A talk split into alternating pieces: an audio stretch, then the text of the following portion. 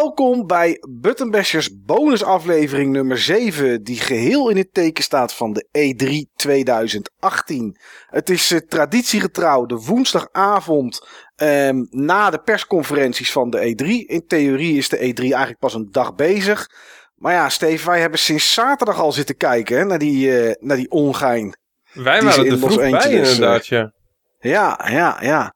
Dus dat is. Uh, het zijn uh, wat rare tijdstippen geweest. En, en Niels, jij was gewoon ook s'nachts ook wakker. Ja, ik had het niet verwacht. Want ik had eigenlijk een vrij drukke week met werk. Maar uh, door omstandigheden heb ik maar zo'n beetje de hele week vrijgenomen. En daardoor Kijk. kon ik inderdaad midden in de nacht onder andere de Sony persconferentie bijwonen. En we hebben samen Ubisoft, of nee, Bethesda hebben we nog gekeken. Ja. Maar daar gaan we het allemaal later over hebben. Ja, precies. Nou ja, later. Ik denk dat het beste is dat we gewoon gelijk gaan beginnen. En um, ja, nee. Dat wil ik eerst weten. Steve, wat heb je live gezien en wat heb je teruggezien? Gewoon even voor het, voor het beeld, zeg maar. Wat heb ik live gezien? Ja. Niet zo gek veel. Oké. Okay. Ik denk alleen Microsoft. Oké, okay, dus dat was zondagavond 10 uur was dat? Ja. Ja, ja. En. EA heb ik bijna live gezien. Oké. Okay. Dat had ik echt net gemist. Dan heb ik echt heel kort op de persconferentie gezien. Oké, okay, oké. Okay. En de rest gewoon netjes teruggekeken op het moment dat je daar even tijd voor had. Ja, de ochtend erna of dezelfde nacht nog. Ik heb toevallig deze week niet zo heel erg goed geslapen. Oh, komt dat door de E3 of? Ja, gewoon de spanning van de E3 joh. Dat, Snap uh, ik, ja. Dat, dat krijgt grip op je. Ja, dat knalt erin hè. Nee, het was vrij warm bij mij, uh, bij mij in de slaapkamer. Dat blijft erg hangen. Ja. En ik slaap dan vaak met de deur open. Maar dan slaap ik nooit zo goed. Want dan word ik bij het minste of geringste geluid wakker. Oh en, ja, ja, uh, ja dat heeft dan als gevolg dat je dan wat vaker wakker wordt. En dan ben ik toch ook wel weer zo dat ik even op mijn telefoon ga kijken wat dan de E3-avonturen zijn. Ja, Vond niet zo heel vervelend. Nee, in deze week was het niet zo erg, nee. inderdaad. Ja, Niels, uh, volgens mij heb je bijna alles live gekeken, toch? Klopt, ja. De enige die ik niet live heb gekeken zijn die van Devolver. Maar ja, ja. daar is niet echt een live kijken bij natuurlijk, want het was zo'n digitaal event, net zoals Nintendo elk jaar doet. Ja, en Square. En Square ook dit, uh, dit jaar deed, en volgens mij vorig jaar ook. Ja. Um, en ik heb PC niet live gevolgd, maar wel grotendeels teruggekeken. Wel geskipt, oh, er kwam zoveel in voor. Ja, ja, ja. Dat was een hele, hele bomvolle show was dat, die uh, PC Gaming Show. Um, de enige die ik niet live heb gekeken was EA. Uh, ik had, uh, nou, het was geen onverwacht bezoek, maar ik had bezoek dat uh, toch ineens bleef slapen. In plaats van rond een uur of acht naar huis ging. Nou ja, goed, het is ook lullig om tegen je dochter te zeggen: ga maar weg, want je mag niet blijven slapen. Dus ja, ehm, dat ging er voor mij niet worden. Maar de rest heb ik allemaal, ja, heb ik allemaal live gekeken. Ja. Want ook ik wilde eigenlijk niet naar Devolver kijken. Maar toen was Bethesda net afgelopen. Ja, Bethesda was net afgelopen. Ja, toen bleef ik toch maar zitten, want ja. Ik had zulke rare momenten geslapen met die dagen. Ik heb, er is ook een dag geweest dat ik wel vier keer naar bed ben gegaan. Maar dan elke keer maar een uurtje of anderhalf. Dus, uh, nou ja. We zijn er in ieder geval redelijk wakker. Dus ik denk dat het goed moet komen. De allereerste die we gaan bespreken is uiteraard gewoon chronologisch gaan we dat doen. Is ja. Uh, EA was zaterdagavond om 8 uur. Ze noemen het nooit dat het een E3 persconferentie is. Maar ze houden een EA Play Weekend. Waar mensen dan uh, ja, de games die ze aankondigen kunnen spelen en dat soort dingen. En ja, we, we gaan alles langslopen. We dit jaar iets anders gedaan hebben dan uh, de normale jaren. Normaal bespreken we elke titel. Maar goed, dat werd voor ons toch op een gegeven moment ook een beetje te gek. Ook omdat er soms titels zijn waar we gewoon helemaal niets boeiends over uh, te zeggen hebben of wat dan ook. Dus wat wij gedaan hebben is, uh, is we hebben een lijst gemaakt waarop alle games of momenten staan die voorbij kwamen tijdens de persconferentie. Daarachter hebben we heel mooi, heel correct een sterretje gezegd, uh, gezet als we er iets over willen vertellen. Um, ja, en als er mensen zijn die helemaal niets erover willen vertellen, dan vertel ik alleen dat het geweest is. En gaan we snel door naar iets waar we wel iets zinnigs over kunnen zeggen. Um, dus het kan zomaar zijn dat er games zijn waar één iemand iets over vertelt, omdat hij toch er iets van wil uitlichten. En 9 van de 10 keer haken we er dan toch met z'n allen op in. En heb ik het gevoel dat we straks gewoon heel de E3 besproken hebben. Maar het, begin is in ieder geval, uh, is in ieder geval goed. Het idee is in ieder geval netjes. Ja, klein uh, tippie. We bespreken bijna elke titel. Ja. ja. ja. En die spreadsheet die hebben we ook live bijgehouden tijdens de persconferenties. En dat is eigenlijk ook wel leuk. Want zo zaten Mike en ik regelmatig midden in de nacht te racen wie het eerste titel wist. Wanneer er een trailer werd aangekondigd. Ja. En uh, meteen commentaar ook te leveren. Dus ons chatprogramma was eigenlijk Google Spreadsheet. Ja, ja, heel ouderwets, maar wel ook wel weer heel hip, omdat je dat shared kan doen inderdaad. Dus, uh... Ja, ik heb iets anders gedaan. Ik heb, zoals een goede huiswerkopdracht betaamd, tien minuten voordat uh, deze podcast uh, qua opname begon, al mijn kruisjes gezet. Ja, nou ja, goed, Steve. Je hebt in ieder geval bij uh, de allereerste game van de allereerste um, um, persconferentie heb jij een kruisje gezet. Maar ook Niels en ik. Ik ga niet overal zeggen wie de kruis heeft gezet. Maar voor de eerste is het wel aardig. Battlefield 5, Steve. Ja, dat was saai. Ja. ja. Ik vond het zo saai. Het was overigens niet echt de allereerste game. Want ze begonnen, ze begonnen met een klein stukje Anthem. En ze eindigden met Anthem. Ja, klopt. Er was inderdaad een trailertje of in ieder geval een, een warmmakertje voor, voor Anthem inderdaad. Maar ja, Battlefield 5, ja, weet je, ik, ik vroeg mij echt ernstig af Niels waarom jij daar een kruisje bij had gezet. Nou, ik vond het opvallend dat ze zo'n punt maakten dat er geen lootboxes in zouden zitten. Nee. Want het is toch ja. DICE. En DICE, die kwamen juist met die lootboxes die uiteindelijk al die tegenreacties hebben uitgelokt van de industrie en van de overheid. En om daar nu dan zo'n punt van te maken van en wij zijn degene die geen lootboxes in onze shooter plakken, vond ik heel apart om te zien. Wel goed natuurlijk, maar wel hypocriet. Ja, maar ja, ze moeten wel natuurlijk. Uh, er is volgens mij geen enkele IE-titel geweest waar niet bij werd gezegd dat er geen lootboxes in zaten. Klopt, hier begon het. En ze maakten inderdaad wel een punt van geen lootboxes. Ja, maar er zit wel iets in, hè? In Battlefield 5. Ik weet even niet uit mijn hoofd hoe het heet. Maar er zitten wel een soort van. Um, ja, het is niet echt een lootbox dat je, dat je niet weet wat je krijgt. Maar je zou bijna denken, oh, geen lootboxes. Dus er zit helemaal niets in waarmee je met geld gewoon in-game items. Dat is gewoon helemaal weg. Maar dat is het dus niet. Want je kan wel gewoon items kopen, cosmetisch allemaal. Er zit niks in voor progressie. Maar je kan nog wel steeds cosmetische items kan je kopen. En het enige is wat ze er wel expliciet bij hebben gezegd. Is dat je van tevoren wel weet wat je koopt. Dus als je voor het vrouwelijke personage een andere hand of andere been. Of weet ik veel wat het was wat verwisselbaar was. Of je wil een ander make-upie. Of je wil krullen in je haar. Of wat dan ook. Uh, of een nieuwe zonnebril. Of weet ik veel wat. Dan kan je het kopen met echt geld. Alleen je weet van tevoren wel wat je koopt. Nou ja, goed. Dat is dan wel aardig. Ja, en natuurlijk een uh, Battle Royale, uh, Steve. Nou, wat een verrassing. Ja. Dat vind ik wel heel origineel. Ja, dat is... Uh, ik heb vandaag ook zitten lezen waarom ze er een Battle Royale in gaan doen. En dat komt omdat de ontwikkelaars die de game maken... heel veel Battle Royale games spelen en ze dat een heel leuk genre vinden. Nou, toen dacht ik, ja, weet je, als het op die manier... Eh, als het zo ontstaat, dan kan ik er niks tegen hebben. Nee, het feit dat je op die manier gewoon veel mensen aan je bindt tot hot is. En dat het gewoon op dit moment de manier is om geld te verdienen. Ja. Dat heeft er natuurlijk niks mee te maken. Nee. Ik denk alleen wel, jongens, dat het te laat komt. Want Battlefield 5 ehm, heeft namelijk niet die Battle Royale vanaf dag 1. Die komt later. Dus ik vraag me af of het niet te laat is als dat, uh, als dat uitkomt. Ik bedoel, game komt op 16 oktober als ze dan niet dit jaar nog die Battle Royale daarna instoppen, Niels, dan is het toch wel een beetje geweest, of niet? Ja, dat zou zomaar eens kunnen zijn, ja. Ik moet sowieso zeggen dat ik niet zo onder de indruk was van Battlefield 5.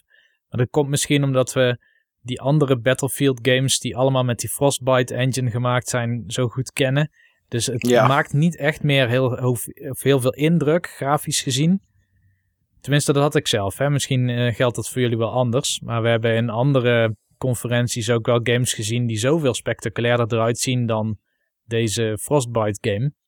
Ja. Dat, uh, ja, dat ik ook niet zeker weet is... Ik weet ook niet zeker hoe um, relevant Battlefield dit jaar nog zal zijn.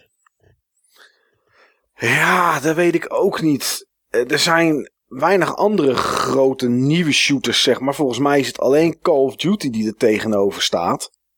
Zoals ik het zo even uit mijn hoofd zeg. Dus uh, als je wil shooteren, dan is het één van die twee. Ben ik niet met je eens. Oké, okay. welke dan? Ja, PUBG en Fortnite. Ja, op het Battle Royale gedeelte. Maar gewoon als, als shooter zelf, zeg ook, maar. Ook gewoon als shooter zelf. Hè. Kijk, hoe je het, of, of je nou Battle Royale noemt of niet. Het is ook gewoon een shooter. En het, het, het, het tikkelt dezelfde itch.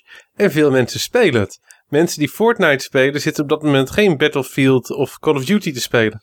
Nee, dat is wel zo. Dat is wel zo. Maar ik weet niet, ik weet niet of het overlappende markt is. Ik hoor toch, er spelen heel veel mensen natuurlijk Fortnite. Maar heel veel mensen die tenminste wat ouderen zijn, dat dan denk ik. Want dat moet ik tappen uit mijn uh, kennissenkring.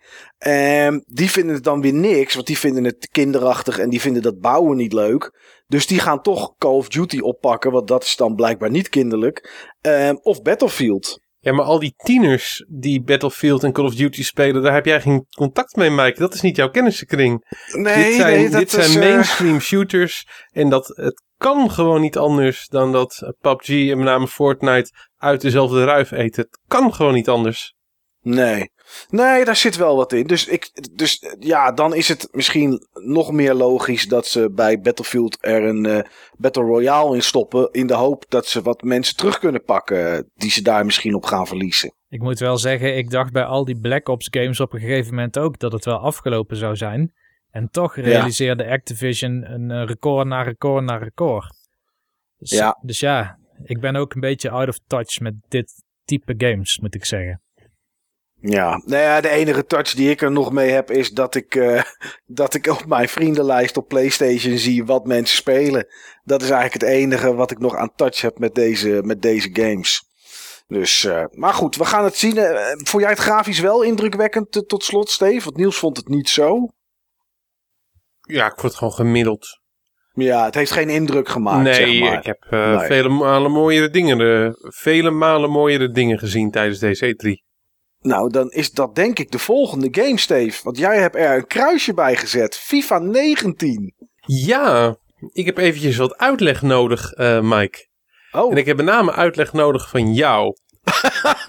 ik had geen kruisje bij deze game, hè, Steve. nee, maar jij bent dan toch, zeg maar, het meeste de FIFA-expert van ons drieën.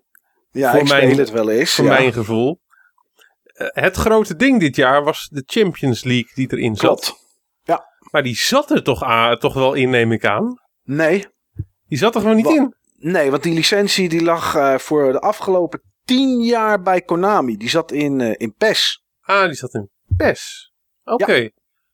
Dan snap ik wel dat het een ding was en waarom de cup met de grote oren daar stond. Ja, precies. Dat was, uh, dat was de reden. Nee, die licentie had men niet. nu wel. Die, die is nu weer terug. Dus ik vraag me af wat wat PES nog heeft. Ja, die heeft met nog wat Italiaanse teams. Hebben ze een licentie, geloof ik. En, en dat is het wel zo'n beetje. Maar uh, nee, dat is, dat, is, dat is de reden dat het uh, groots werd uh, neergezet. Wat mij wel opviel, omdat we het er nu toch over hebben. En misschien heb ik het gemist. Maar ik zag niet The Journey deel 3 of deel 4 of waar ze inmiddels in, op zitten. Er zit geen singleplayer in.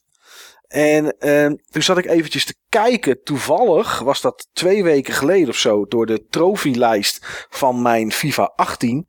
En toen zag ik dat van alle mensen die FIFA gekocht hebben op de PS4. FIFA 18. En dat uh, nou mogen we toch wel inschatten dat dat enkele miljoenen mensen zijn. Um, heeft maar 9% ook de singleplayer, de journey, afgemaakt. Dus ik snap wel waarom het er niet in zit. Want het is gewoon iets wat totaal niet, uh, totaal niet boeiend is blijkbaar. Maar uh, ja, ik, uh, het is er in ieder geval niet. Dus dat is wel, uh, dat vond ik wel apart. Wat ik dan ook eventjes benieuwd naar ben. Um, hoe losten ze dat dan op? Welk toernooi speelde je dan in hemelsnaam in plaats van de Champions League? Um, voorheen bedoel ja. je? Ja, allerlei random toernooien. Uh, je kan uh, competities doen met, met, met landen. Ehm, uh, wat zit er nog meer in? Je kan een eigen competitie opzetten. Ja, kijk, weet je, het gros van de mensen speelt natuurlijk FIFA Ultimate Team. Die speelt natuurlijk FUT. Dat is, dat is waarvoor het interessant is. En dat is wat de meeste FIFA-spelers doen. Uh, ja, weet je, dus ik vind het ook, ik snap dat ze er iets groots van maken, maar het is eigenlijk niks meer dan dat ze uh, wat de, de, teams die in de, in de Champions League horen in een poeltje gooien. Het zijn voor de rest dezelfde teams die er toch al in zitten. Het zijn dezelfde stadions. Het, het is hetzelfde commentaar, het is dezelfde bal, alleen er wordt een ander cupje aan het einde wordt eruit gedeeld. Dus, weet je, is het echt boeiend? Nou, voor mijn gevoel niet. Het lijkt mij ook niet dan. Nee. Behalve als je ook gewoon een real-time koppeling maakt met de dingen die in de Champions League gebeuren. Ja, dan zou het op zich wel. Uh, maar ja, goed, als daar een team uit ligt en het is het team wat jij speelt, ja, dat kan ook niet. Dus het, de enige koppeling die ze, die ze doen, en, maar die hebben ze nu al, is dat als iemand een rode kaart krijgt, dat hij dan, als je dat aan hebt staan, de volgende wedstrijd niet beschikbaar is. Maar ja, dat is er nu al. Hm. Dus ik heb geen, uh, geen idee, maar het gaat natuurlijk om het Helder. En, Daar was ik benieuwd naar. Ja. Um, Zou ik trouwens nog iets mogen zeggen over de EA-conferentie ja, um, in het algemeen? Want ik ja. had zeg maar een mooi verhaal over deze um, conferentie. En eigenlijk wil ik dat toch wel een beetje op gaan starten. Nou, kom maar. Normaal gesproken kijk ik deze conferentie nooit. want ik vind het meestal namelijk intriest. Ja. En niet interessant. Alleen ik was een beetje bang tot ik zeg maar niet genoeg dingen kon zien voor de E3 deze week. En dit was de eerste en deze kon ik wel zien. Dus dan vond ik het wel een veilig idee dat ik hem dan gezien had. Mm En ik had best wel zin in de E3. Ja. Maar EA heeft dat toch wel gewoon goed te niet kunnen doen hoor. ja, ja, de IE-conferentie is normaal niet zo geweldig. Uh, vorig jaar was het helemaal tenenkrommend met zo'n ja, met zo'n YouTuber erbij of zo. En allerlei hele rare dingen die er gebeurden. En heel veel tenenkrommende momenten. Uh, dus ik heb het grootste deel heb ik ook alleen teruggekeken. Omdat ik deze dus had gemist. Dus ik heb niet de hele conferentie gekeken. Maar ja, ik heb nooit het gevoel dat ik iets mis bij IE. Nou, hier zaten toch wel weer wat tenen, tenenkrommende momenten tussen. Ik heb een vrouw. Een of andere vrouw Een of van zo. de eerste, ja, daar komen we nog op. Maar een van de eerste tenenkrommende momenten die ik genoteerd had voor mezelf, was hetgeen wat we nu hebben staan. Ja, nou, dat heb ik dus gekeken. Jedi, The Fallen Order. Ja. Uh, een Star Wars game die uh, gemaakt wordt uh, door Respawn. En het is een game die tussen film 3 en 4 zit. Er was geen footage. Er was een interview met de ontwikkelaar. En die heeft alleen iets gezegd dat het allemaal een beetje duister is. En dat is het. Ja, de ontwikkelaar zat in het publiek. Ja. En die vonden ze spontaan en hadden ze dan wat vragen over waar hij dan mee bezig was. Oh, goh, zo zo. Ja. Ja, en dan moest, uh, en daar ging die, die vrouwmens, want die had ik dan wel gezien, ging ook heel erg, yeah, woe, Ja, degene die het presenteerde. Ja, en dat sloeg natuurlijk niet aan, want het publiek doet niet mee. Nee. Dus dat zag dat ik was inderdaad, een beetje ja. awkward. Maar uh, ja, dit, eigenlijk wat ze hier vertelde was gewoon niks. Nee. Uh, ik denk dat zij geframed is. Dat, uh, dat eigenlijk iemand anders zou presenteren, maar die dacht, met deze line-up doe ik het niet. En toen hebben ze haar gevonden en misschien werkte zij er nog niet zo lang of zo. En uh, zodoende staat zij daar te presenteren. Ik vond overigens dat ze, gegeven het materiaal waar ze mee moest werken, dat ze het heel goed deed. Ik vond ook dat ze het goed deed. Oké. Okay. Het lag niet aan haar, maar gewoon waarom dit ertussen zat. Je hebt gewoon niks te vertellen. Nee. Je hebt geen beelden. Je hebt een soort van vage omschrijving en je hebt een titeltje. Ja. Waarom zat dit ertussen? Nou, whatever. Ja, omdat het moet ik denk dat het moet, het publiek. Maar er zijn meer momenten geweest tijdens deze hele E3 dat je denkt, ja, vertel dan niks. Ja, maar dit was maar voor goed. mij de eerste. Ja, inderdaad. En daarna kwam iets waar ik een beetje verbaasd over was. Unravel 2. Uh, ik, ja, Niels, was jij net zo verbaasd als ik? Ik denk dat ik om twee redenen verbaasd was. Eén, oh, kijk, dat ze dat die mooi. kerel weer het podium op hadden gestuurd. ja. ja, Oh, dat die was mooi, hè? zenuwachtig. Dat was mooi. Hij was dit keer iets minder zenuwachtig volgens mij, hè? Hij was minder zenuwachtig. Ja, Ja. ja. ja. nee, ik vind hem eigenlijk best een aandoenlijke kerel, want hij, hij voelt zoveel passie voor zijn game. Eigenlijk op een, ja, eigenlijk misschien wel eerlijkere manier nog dan eh, die game van, eh, of die, die kerel van A Way Out. Joseph. Joseph inderdaad. Ehm, maar ja, ik moet wel zeggen, ik had hier geen vervolg op verwacht. En Nee. zeker niet in de trant van dat het vervolg nu ook is. Ja, nou ja, dat, dat vond ik vooral. Kijk, het was smiddags al gelekt, dus ik wist het. Nou ja, goed. Zeker weten doe je het niet, maar 9 van de 10 keer weet je het dan toch wel. Ehm, maar ik verbaasde me er zo erg over dat die game nu gewoon al uit is. Ik vond dat zo vreemd, want de vorige game werd aangekondigd tijdens de E3, kwam het jaar erop in februari uit of zo. Ehm, heeft op de E3 gestaan, heeft op Gamescom gestaan. Er zijn trailers geweest. eh, af en toe krijg ik dan van die mailtjes met: hey, er zijn weer eh, drie nieuwe screenshots. eh, een keer een story trailer. Er is onwijs ja, promotie voor geweest. En nu mag die, mag die zenuwachtige Sjaak mag even vijf minuten het podium op. Die vertelt Unravel 2. eh, kan in co-op, kan in je eentje. Twee Jarnies en eh, ja, bla bla bla. De game is nu beschikbaar. Doei. En dan horen we er dus eigenlijk nooit meer iets van. Ik vond dat zo vreemd, Steve.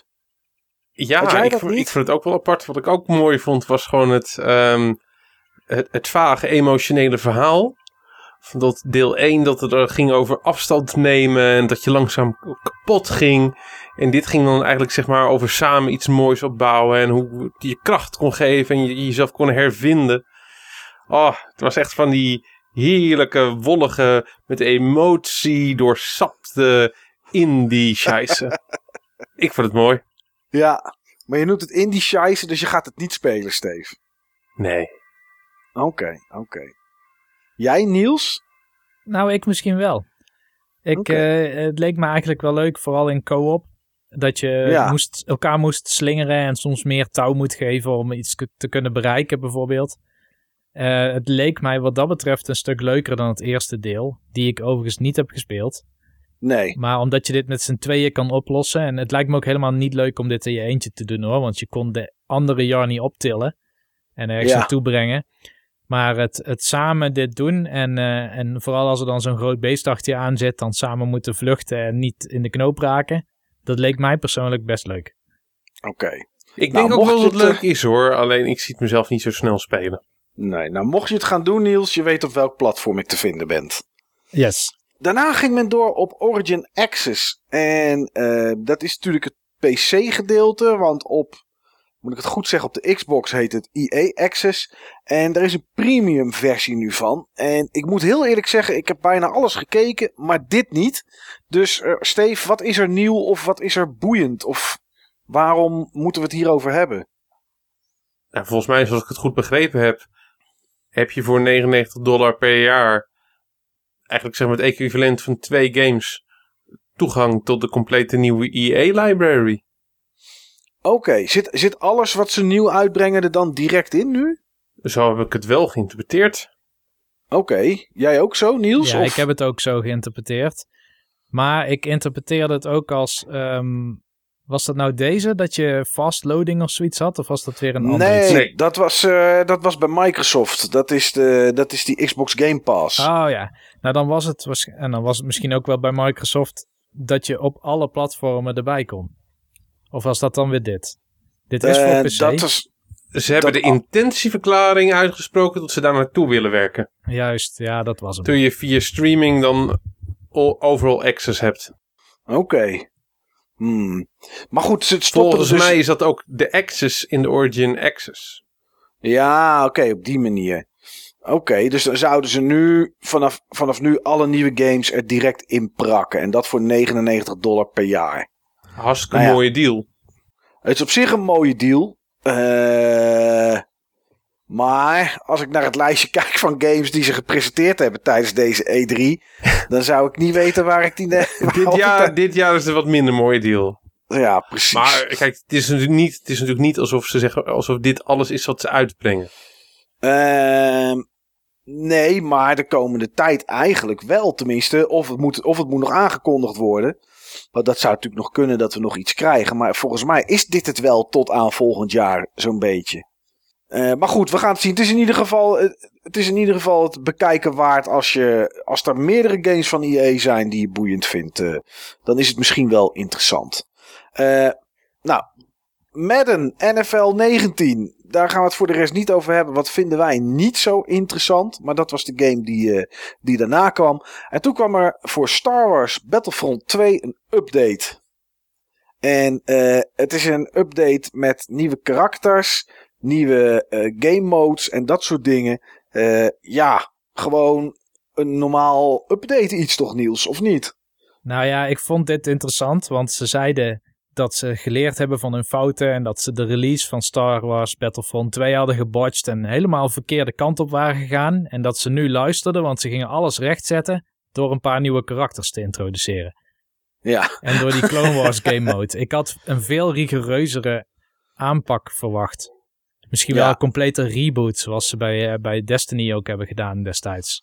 Ja, die zijn ze ook al natuurlijk een beetje ingestart, hè? die, die reboot, zeg maar, dat, die nieuwe richting, die kunnen ze niet, die kunnen ze niet groots aanpakken. Want die zijn ze al ingestart. Oh, oké. Ik ben niet zo goed op de hoogte van deze game. Nou ja, wat ik gelezen heb, uh, een week of vier geleden was het volgens mij, is dat we deze game eigenlijk wel af mogen schrijven. Omdat er bij uh, uh, DICE eigenlijk niemand meer aan werkt. Alleen een heel klein team wat enorm grote problemen direct gaat oplossen. Uh, maar voor de rest dat dit het wel zo'n beetje is. Dat er bijna niemand meer aan de game werkt. Dus ik, ja, wat nieuwe personages en zo, die, nou ja, die kunnen ze wel door een paar studenten laten maken, denk ik. maar voor de rest zou er niet zo heel veel meer gaan gebeuren met deze game. Of het waar is, weten we natuurlijk niet. Maar ja, ik weet niet hoe groot dit was wat ze nu aangekondigd hebben, Steve. Volgens mij viel, dat, viel dat wel mee. Maar de belangrijkste reden waarom ik hem had aangetipt was vanwege de enorme mea culpa die hier toch wel in zat. Ja. Dat vond ik gewoon mooi. En dat uh, op, op zo'n groot podium. Mm. Het, het, was gewoon net Nintendo van een paar jaar eh, geleden. ja.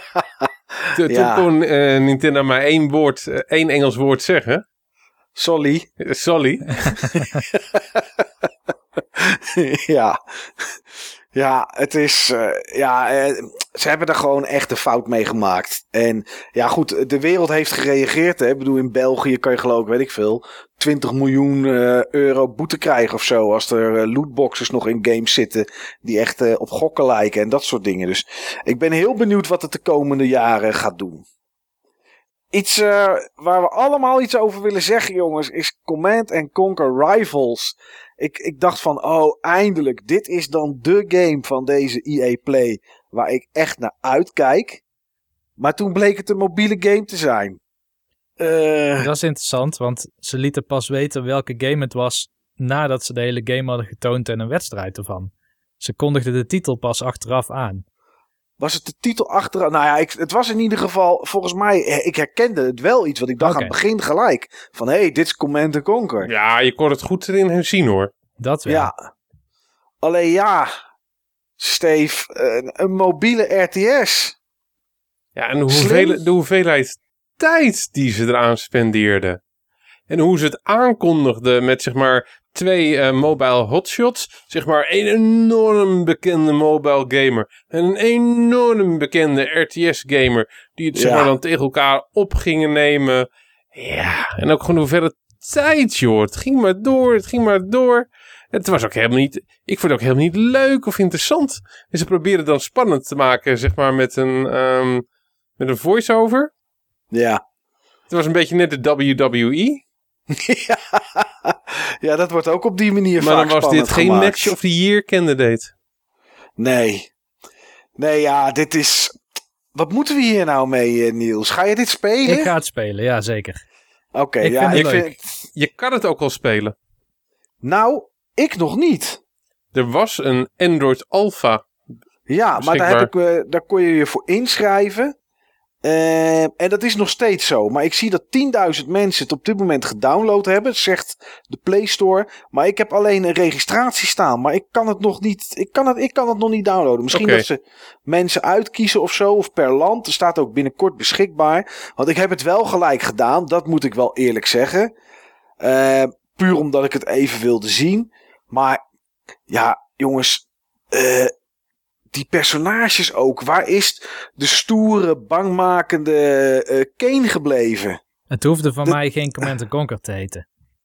Maar ik vond de nee. gameplay aan zich best wel leuk. Tenminste, als je dit ook gewoon kan doen uh, zonder dat je tegen een andere speler speelt. Of misschien tegen AI of dat je puzzle levels hebt. Waar, waar je bijvoorbeeld binnen zoveel beurten twee uh, nukes gelanceerd moet hebben. Dat zou mij wel leuk lijken om te doen. Ja, nou misschien dat het ook minder sentiment uh, zou hebben als ze het niet Command Conquer hadden genoemd. Ja. Want dat is het voor mij, weet je. Natuurlijk, en ik, ik zat terug te kijken. Je ziet heel internet natuurlijk huilen over Westwood.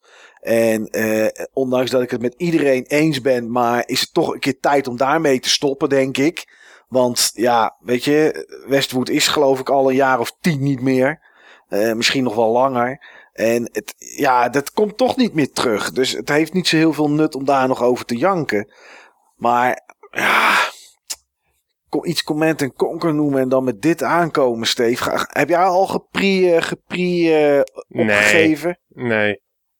Nee. Dat vind ik ook te veel moeite voor een mobiel spel. ja, ja, dat kan ik me voorstellen. Ja. Nou ja, goed. Weet je, laten ze dan één ding goed doen. Later in ieder geval de oude tekst Missile Launch Detected. Laat dat er dan in ieder geval in zitten. Dat ik nog een beetje een nostalgisch gevoel krijg.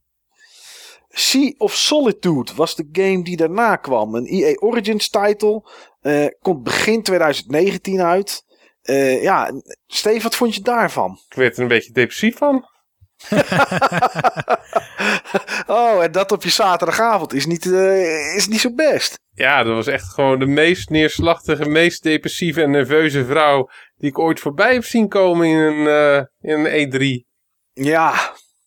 Laat ik het zo zeggen, ik, ik had een beetje tegenovergestelde um, gevoel uh, bij haar als bij de maker, zeg maar, van... Um, van uh, Unravel of uh, Way Out? A Way Out. Bij, ik had het tegenovergestelde gevoel bij haar als bij de maker van A Way Out. Ja. Over hem had ik gezegd, met hem wil ik graag een biertje drinken. Klopt. Um, bij, bij haar had ik dat gevoel niet echt. Oh, ik denk dat ga je zeggen bij haar. Ik zeg, met haar wil ik mijn pols doorsnijden samen. Nou, laat ik het zo zeggen. Ik, um, ik zou met haar ook geen, uh, geen beschuitje willen eten. Nee. Want ik ben bang dat op het moment van dat ze ooit zeg maar, bij mij in de slaapkamer zou komen, dat ze dan zeg maar, de ochtend daarna ergens onder aan de trap hangt. of dat de Siankali in je, in je, in je jam zit, die op je beschuitje zit. Ja, echt. Je, je uh, heel, heel veel mensen die zeg maar zoiets hadden van, ja, op internet. Van ja, wat, uh, wat een mooi persoonlijk verhaal. Uh, wat, ja, in eerste instantie had ik zoiets van ja, ja, dat is een beetje neerslachtig. Maar ja, toen ging ik nog over nadenken en dacht ik van, wat een mooi persoonlijk verhaal dat iemand dat zeg maar wil vertellen.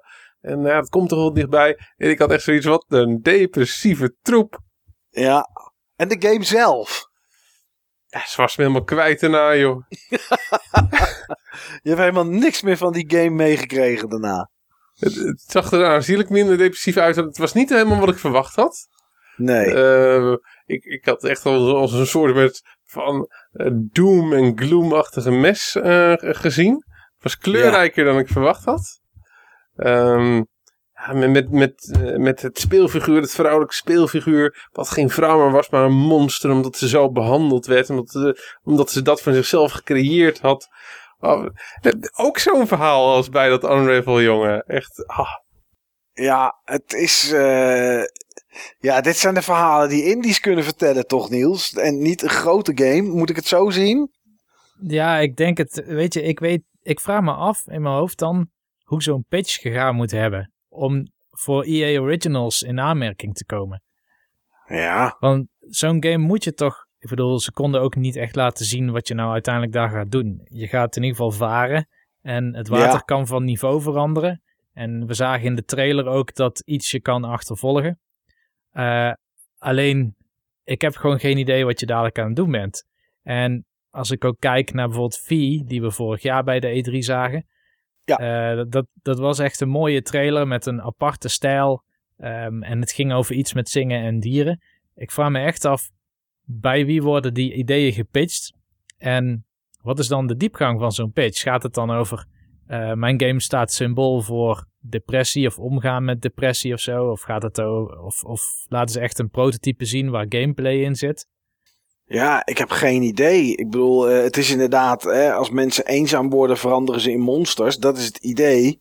En zij ook. En ze gaat dan op zoek naar een manier om dat effect om te draaien. Dat is waar de game een beetje over gaat. Ja. En dan blijkt ze toch niet zo alleen te zijn als ze dacht. Ja. Waarschijnlijk ontdekt ze zeg maar ergens halverwege het spel 14 katten in de huiskamer. ja. Nou, weet dat je, zou kunnen. In het, in, het, in het mooiste geval wordt dit een soort titel zoals, en ik ben even de naam kwijt, die Ninja Theory game. oh, uh, Setuna. Nee, niet die. Um, die kwam afgelopen jaar uit. Kreeg ook volgens mij een de Game Award. Ja, dat was toch, of Setsuna, hoe heet het ook alweer? Dat is hem toch? Die dat, is geen, uh... dat is geen Ninja Theory game. Oh, I, nee, am, oh. I am Setsuna. Nee joh, dat, sorry, je hebt gelijk. Ik weet welke het is, want ik heb het een stukje gespeeld. Ja, je hebt het er ook over gehad. Ja, ah, dan kan ik, kom, kom ik helemaal niet op die naam. Waar is mijn... Uh... Oh, ik heb mijn uh, tekstfile weggegooid met wat ik in 2017 gespeeld heb. Ja, ja nou, het, maakt niet ik uit. weet niet of het belangrijk genoeg is om... Uh... Het was Hellblade. Hellblade, Sacrifice. Hellblade was, was een game waarin jij ervaart hoe het is om een depressie te hebben, omdat je stemmen in je hoofd hebt. En je wil iets oplossen of je wil ergens naartoe handelen, alleen je weet niet welke stemmen je wel en niet kan vertrouwen. En als dit ook zo'n soort uh, game zou zijn met zo'n verhaal en zo'n activiteit in zich, waardoor je door reflectie op die activiteit iets gaat meemaken wat je normaal niet kan meemaken door er een documentaire over te zien of een, of, uh, een boek over te lezen, dan vind ik het heel tof. Maar als het dadelijk een oppervlakkige indie game is, waar volgens de ontwerpster dan een, een, een ja, soort van uh, plafond boven hangt van, van depressie, maar wat je misschien helemaal niet mee kan maken, dan hoeft het voor mij niet zozeer. Nee. Nou ja, nu je deze vergelijking trekt, heb ik eigenlijk, wil ik eigenlijk in de spreadsheet mijn sterretje weghalen. Om hier nog voor de rest iets over te zeggen. Want als je naar Hellblade kijkt, dat, dat, dat heeft zoveel indruk gemaakt. Ondanks dat ik net niet op de naam kan komen. Dat is puur de vermoeidheid. Um, en dat gaat deze game nooit doen met hoe het eruit ziet en, en, en wat de insteek is. Okay. Um, NBA Live 19 zagen Sorry, ik wil nog één ding, ik wil nog oh, één ding zeggen. Uh, depressie is natuurlijk een serieuze aangelegenheid, hè? Ja, een heel, dat is heel serieus probleem. En is echt ook een ziekte, een ziekte waar heel veel mensen uh, onder gebukt gaan. Dus uh, daar, wil ik, daar wil ik absoluut in ieder geval geen grappen over maken. Nee. Maar deze vrouw wel hoor, daar wil ik graag grappen over maken. Volgens mij was bij Hellblade trouwens psychoses, niet uh, depressie. Maar dit is ja, depressie. Ja, dat klopt. Ja, nou, volgend ja, of jaar beter, Of beter gezegd eenzaamheid. Het, het, mondt vaak uit in depressie, maar het, ja, het, ligt natuurlijk in elkaars uh, verlengde. Eenzaamheid is op zich misschien nog wel een breder probleem dan depressie. Ja, ook voor ouderen. Maar ja, die gaan deze game dan weer niet spelen, denk ik. Want daar zijn ze weer te oud voor. Nou ja, goed. Kijken wat we volgend jaar voor uh, aandoening uh, op de E3 zien. Uh, Anthem was de allerlaatste game. Ik vind trouwens dat ze wel eens een game mogen maken over seksverslaving. Dat is ook echt een serieus probleem. Ja, nou zeker. Ja hoor. Um, Schrijf jij een design document, uh, Steve? Ja. Die heb ik al liggen, joh. Oké. Ja, als er uh, motion capturing gedaan moet worden, dan bel maar. Ik denk dat we die wel eh. kunnen pitchen bij EA Originals. misschien, misschien moeten we daar eerder voor naar Devolver. Maar goed, dat zou kunnen. Uh, ja, Anthem voor de 26e keer. Dat was de allerlaatste game. Uh, ja, Steve, ik wil toch dat bij jou om te beginnen even neerleggen. Want ja, hoeveel lijkt het op Destiny? Ik zou graag om te beginnen willen zeggen, hoeveel lijkt het op alles wat we al eerder van Anthem hebben gezien? Oké, ja, snap ik. En dat is te veel. Hmm. Ik had, voor mijn gevoel heb ik, um, heb ik niets nieuws gezien. Nee. Um, Want ik zag weer die markt. Hm? Ik zag weer die markt, waar ook vorig jaar de allereerste beelden op Ja, ik zag ook gewoon een vergelijkbaar soort gameplay. Alleen dan hadden ze nu dan zeg maar natuurlijk die verschillende pakken. Ja. En de samenhang en de verschillen met die pakken. Ik, uh, ik vond het vorig jaar toffer toen ik het, um, uh, toen ik het zag. Ik, uh, ik, ik vond dat dit een te kleine verdieping was op hetgeen wat ze al hebben laten zien dit jaar. Hmm. Vorig jaar had het dan voor mij een iets grotere bouwfactor. Ja. Daarnaast had ik vorig jaar het, uh, ja, zeg maar, het falen van Destiny 2 nog niet meegemaakt. En door zeg maar, mijn ervaringen van Destiny 2 ben ik ook wel eventjes klaar met dit type game. Ja. En... Nou ja, je hebt, nog, je hebt nog even. Hij komt volgend jaar natuurlijk, 22 februari. Ja, en ik, ik kan op basis van wat ik zeg maar, als ik zeg maar dit type game op dit moment zie, kan ik er niet enthousiast van worden. Want nee. ik, ik weet gewoon inmiddels vanuit ervaring tot zeg maar de eerste indruk van een game niet representatief van, dit, van dit soort games niet representatief is voor de hoeveelheid plezier die je na 100 uur spelen, 150 uur spelen er nog uit kan halen. Ja. En dat is toch van waar je het zeg maar moet hebben, van moet hebben met, um, met dit type spel. Ja. Dit speel je gewoon niet voor, uh, voor even 30 uur. Nee, nee, nee, nee. Dan doe je jezelf tekort. Dus, oh joh, als je, als je op die manier gewoon je, je itch tikkelt, prima. Tu tuurlijk, maar, als het je fix heeft, geha heeft ja, gehaald, dan is het goed. Prima, hè. Maar dat is niet de intentie van dit soort spellen. Dit zijn een beetje van die online hobby's, noem ik het toch even. Ja. Ja, ik heb toch wel wat dingen ook gehoord, ook nog na deze E3. Of um, voor een deel in deze presentatie, voor, voor een deel voor dingen die een beetje daarna nog aan, uh, aan, aan het licht kwamen. Ook qua hoe ze met het verhaal om willen, om willen gaan. Ik, ik vermoed dat het eerder inderdaad de Destiny template gaat, vol, uh, gaat volgen dan de Bioware template. Hmm. Ja. Wat was en, jouw en gevoel? er is al, er is al Destiny. Dit is er al, ja zeker. Twee stuks inmiddels. Dus uh, ja, nou ja, ik snap het. Voor mij deed het ook niet zoveel. Vorig jaar dacht ik nog van, nou oké, misschien. En ik zat hier naar te kijken. En uh, we komen straks sowieso nog terug op 22 februari. Want dat is sowieso een drukke dag uh, volgend jaar. Er komen drie grote games uit op die, uh, op die dag. ja, hij zit er voor mij denk ik niet meer bij. wat jij Niels? Ik weet het niet. Ik was iets optimistischer dan bij de vorige Unveil. En dat komt denk okay. ik doordat uh, het is echt iemand van BioWare van ja, lang geleden, zeg maar. Ik weet niet meer of dat hij nou in het Dragon Age team zat of in het Mass Effect team. Maar het is eigenlijk iemand die weg is gegaan bij BioWare en terug is gekomen. Maar eigenlijk in de hele periode ook nadat hij weg was gegaan al gewerkt heeft aan dit idee. En kennelijk ja. wel die hele studio achter zich heeft geschaard om daar ook iets mee te gaan doen. En wat ik wel interessant vind is dat ze heel veel nadruk leggen op dat de schrijfster van de verhalen of van de wereld, zeg maar, dat die heel erg betrokken is bij hoe het spel zich gaat evolueren. Want er komen allerlei stormen en weercondities en die gaan die wereld veranderen. En daar willen ze dus steeds iets mee doen. Omdat alle ja. spelers dat gaan meemaken. En het andere wat ik wel mooi vond, is dat je dus die pakken hebt. Uh, je hebt niet een klas die je van tevoren selecteert. Maar je hebt gewoon één karakter. En die kan een soort van exoskeleton aantrekken. En de ene exoskeleton leent zich dan meer voor tanken en de andere meer voor support.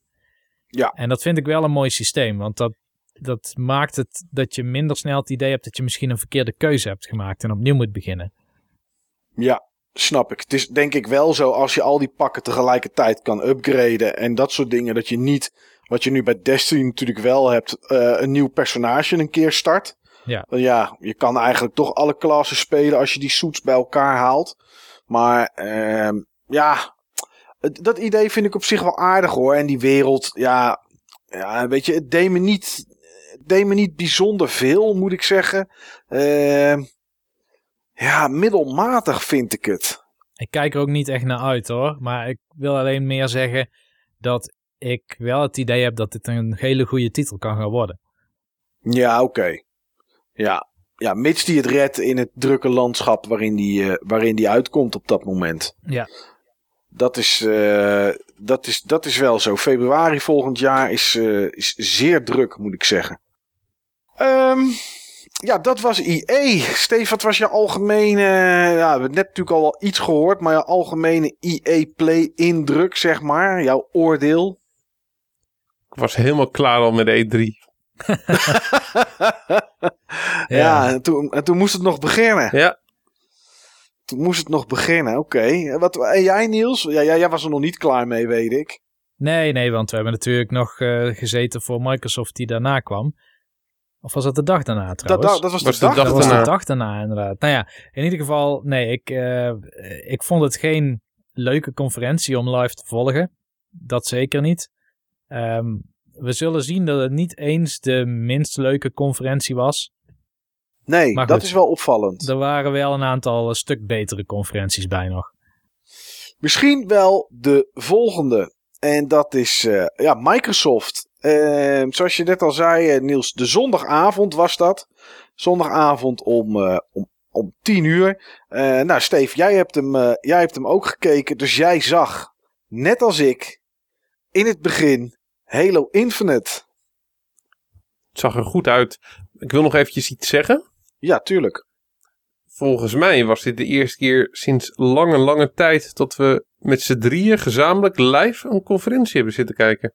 Dat denk ik wel, ja. Inderdaad, ja, we zaten driftig te appen tijdens deze conferentie. Ja, er gebeurde van alles. Ik zat eh, eh, en te appen en ik zat in dat spreadsheet. En ik was op duimschroef alles aan het tikken en ik was aan het kijken. Het was een hectisch moment even. Maar eh, dus laten we leuk. nooit meer horen dat mannen niet kunnen multitasken. Nou, dat dacht ik. Potverdorie zeg. Maar goed, eh, ja, hij was al gelekt van tevoren. Halo Infinite. Ehm, dus ik was niet heel verbaasd. Maar de, toen die trailer begon, Steven, het was... Ja, misschien was het wel in-game engine. Dat zou kunnen. Maar dat heb ik, eh, geloof ik, bij bijna elke trailer eh, zien staan tegenwoordig. In in-game footage of eh, engine footage. Of weet ik veel wat er allemaal voor mooie termen ondergekwakt worden. Maar in het begin had ik het nog niet helemaal door. Ja, en toen zag ik in één keer vier soldaten ergens eh, op een grasveldje staan. Met van die, van die stenen ringetjes eromheen. Ja, toen werd het natuurlijk al een beetje, een klein toen- beetje duidelijk. En toen zag je de helm van de Master Chief. En toen zag ik Master Chief zijn helm inderdaad, ja. Was dat een eh, oh yes momentje, Steven? Of dacht je van, ah, oké. Eh, niet direct. Het, het echte OES moment, dat kwam toen ik een beetje eh door had hoe groot de schaal van eh, de game eh, was. Ja, Het heeft ook echt weer dat, dat open gevoel van, van Halo. Ehm, ze gebruikt ook muziek van Halo 3. oké. Ja. Een van mijn favoriete Halo's. En ze, ze, ik heb later nog een interpretatie van de trailer van Digital Foundry naar zitten kijken. Die Mhm. benoemde ook heel goed van dit komt een beetje uit Halo 2. Dit komt een beetje uit Halo 3. Dit is meer de eerste Halo. Dit zijn dan weer de latere Halo's. Hoe het zeg maar leentjebuur speelde bij alle Halo's eh, van hiervoor. Ja. En het, het voelt een beetje als een best of Halo. Ja, het beste pakken uit alle, tenminste in de trailer in ieder geval, het beste pakken uit Ja. alle Halo's en dan, eh, en dan gaan. Kijk, je hebt in feite weinig gezien, weinig combat, weinig gameplay. Maar gewoon wel veel sfeer en echt hele mooie graphics. Ja, het zag er op, netjes uit. op 60 frames. Ja. En ehm, Digital Foundry had het, zijn twijfel erbij of dit een game is voor deze generatie. Of die niet misschien cross-gen wordt. Ja, dat zou kunnen. Het ligt eraan hoe lang ze... De ja, poeh, vind ik een lastige. Maar, Maar op het- basis zeg maar, van wat ze zagen en, eh, Ja. en de kwaliteit van alles. Ehm, ze zeiden ook van, eh, het lijkt ons vrij echt. Het is allemaal heel mooi. Maar we zien wel bepaalde imperfecties. Het lijkt niet zeg maar, op, op high-end render toestellen eh, gedraaid. Het is niet alsof het zeg maar, super clean en super polished is. Nee. Maar misschien wel dus eerlijk. En dat is ook, Ja. dat is ook, wel, eens, dat is ook wel eens netjes natuurlijk. Ja. Ja. Nee, ik ben wel benieuwd eh, wat het gaat doen. Het komt in ieder geval voor Xbox One en voor PC. Dus dat is, eh, dat is netjes. Want dat doen ze natuurlijk met, eh, met alles wat ze, nu, wat ze nu uitbrengen. Dus ja, ik ben benieuwd. Ik vond het in ieder geval wel een, een sterke opening, moet ik zeggen. Om, om, daarmee, om daarmee te beginnen. Ik vond dit ook wel zo'n Halo waar je denkt, hell yes, het is Halo. En wat Ja. misschien die laatste 343 i Studios Halo minder had. Dat was wel echt een hele aparte ander soort Halo dan dat we gewend waren van Bungie. En ik heb hier het idee dat we toch weer die Bungie scope en ambitie gaan zien. Ja, dat, ja. En dat is Nou voor ja, mij dan toch Halo. ja, Dit voelde voor ik. mij het meest als een Bungie Halo ten, ten opzichte van die latere delen. Precies wat eh, Niels zegt. ja. De game daarna, ja jongens, daar kei- heb ik zo zin in. Ori and the Will of the Wisps. Ehm, ja, het is natuurlijk niks nieuws. Want we hebben hem vorig jaar al gezien. We zagen een trailer. Er zat natuurlijk wat gameplay zat er natuurlijk in. Ja, Niels, dit is toch leuk of niet? Dit is toch een mooi spul? Ja, dit is super mooi. En ik dacht, holy hell, wat ziet dit er goed uit. En Ja. ik vond de vorige, de Ori and the Black Forest, of nee, hè, we zeggen Blind, Blind. Forest. Blind Forest. vond ik Dat al is, weten we, is ook game. vaak black. Ja, dat is waar. Maar die vond ik al zo erg mooi. Maar alleen als je kijkt wat ze hier doen, dan zit er Eh, nog zoveel Ori meer in the Black in. Forest, dat is zeg maar het avontuur van Ori waarin hij struggelt met depressiviteit. Oh, Oké. ja. Ja. Oh, ik dacht dat dat die pitch was van de seksverslaving, zeg maar. Eh, Nou heb ik Ori and the Blind Forest nooit uitgespeeld. Volgens mij ben ik op een derde of zo in die game. ja. Pak hem wel eens ooit op en dan, eh, dan moet ik... Ja, het ding is met Ori vergeleken met andere Metroidvania's is... Er zijn nogal wat projectielen en dingen die op je afkomen. Ja. Dat is wel echt anders. Het is wel een stuk meer hardcore dan de meeste Metroidvania's.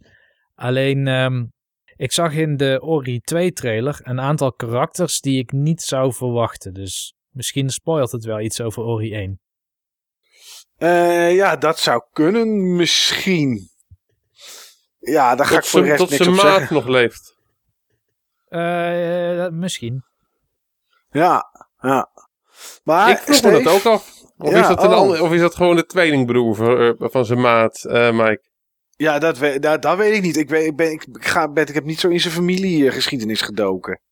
Dus dat durf ik niet te zeggen. Nou ja, de enige reden waarom ik hier iets over wil zeggen is dat ik hier gewoon echt zin in heb.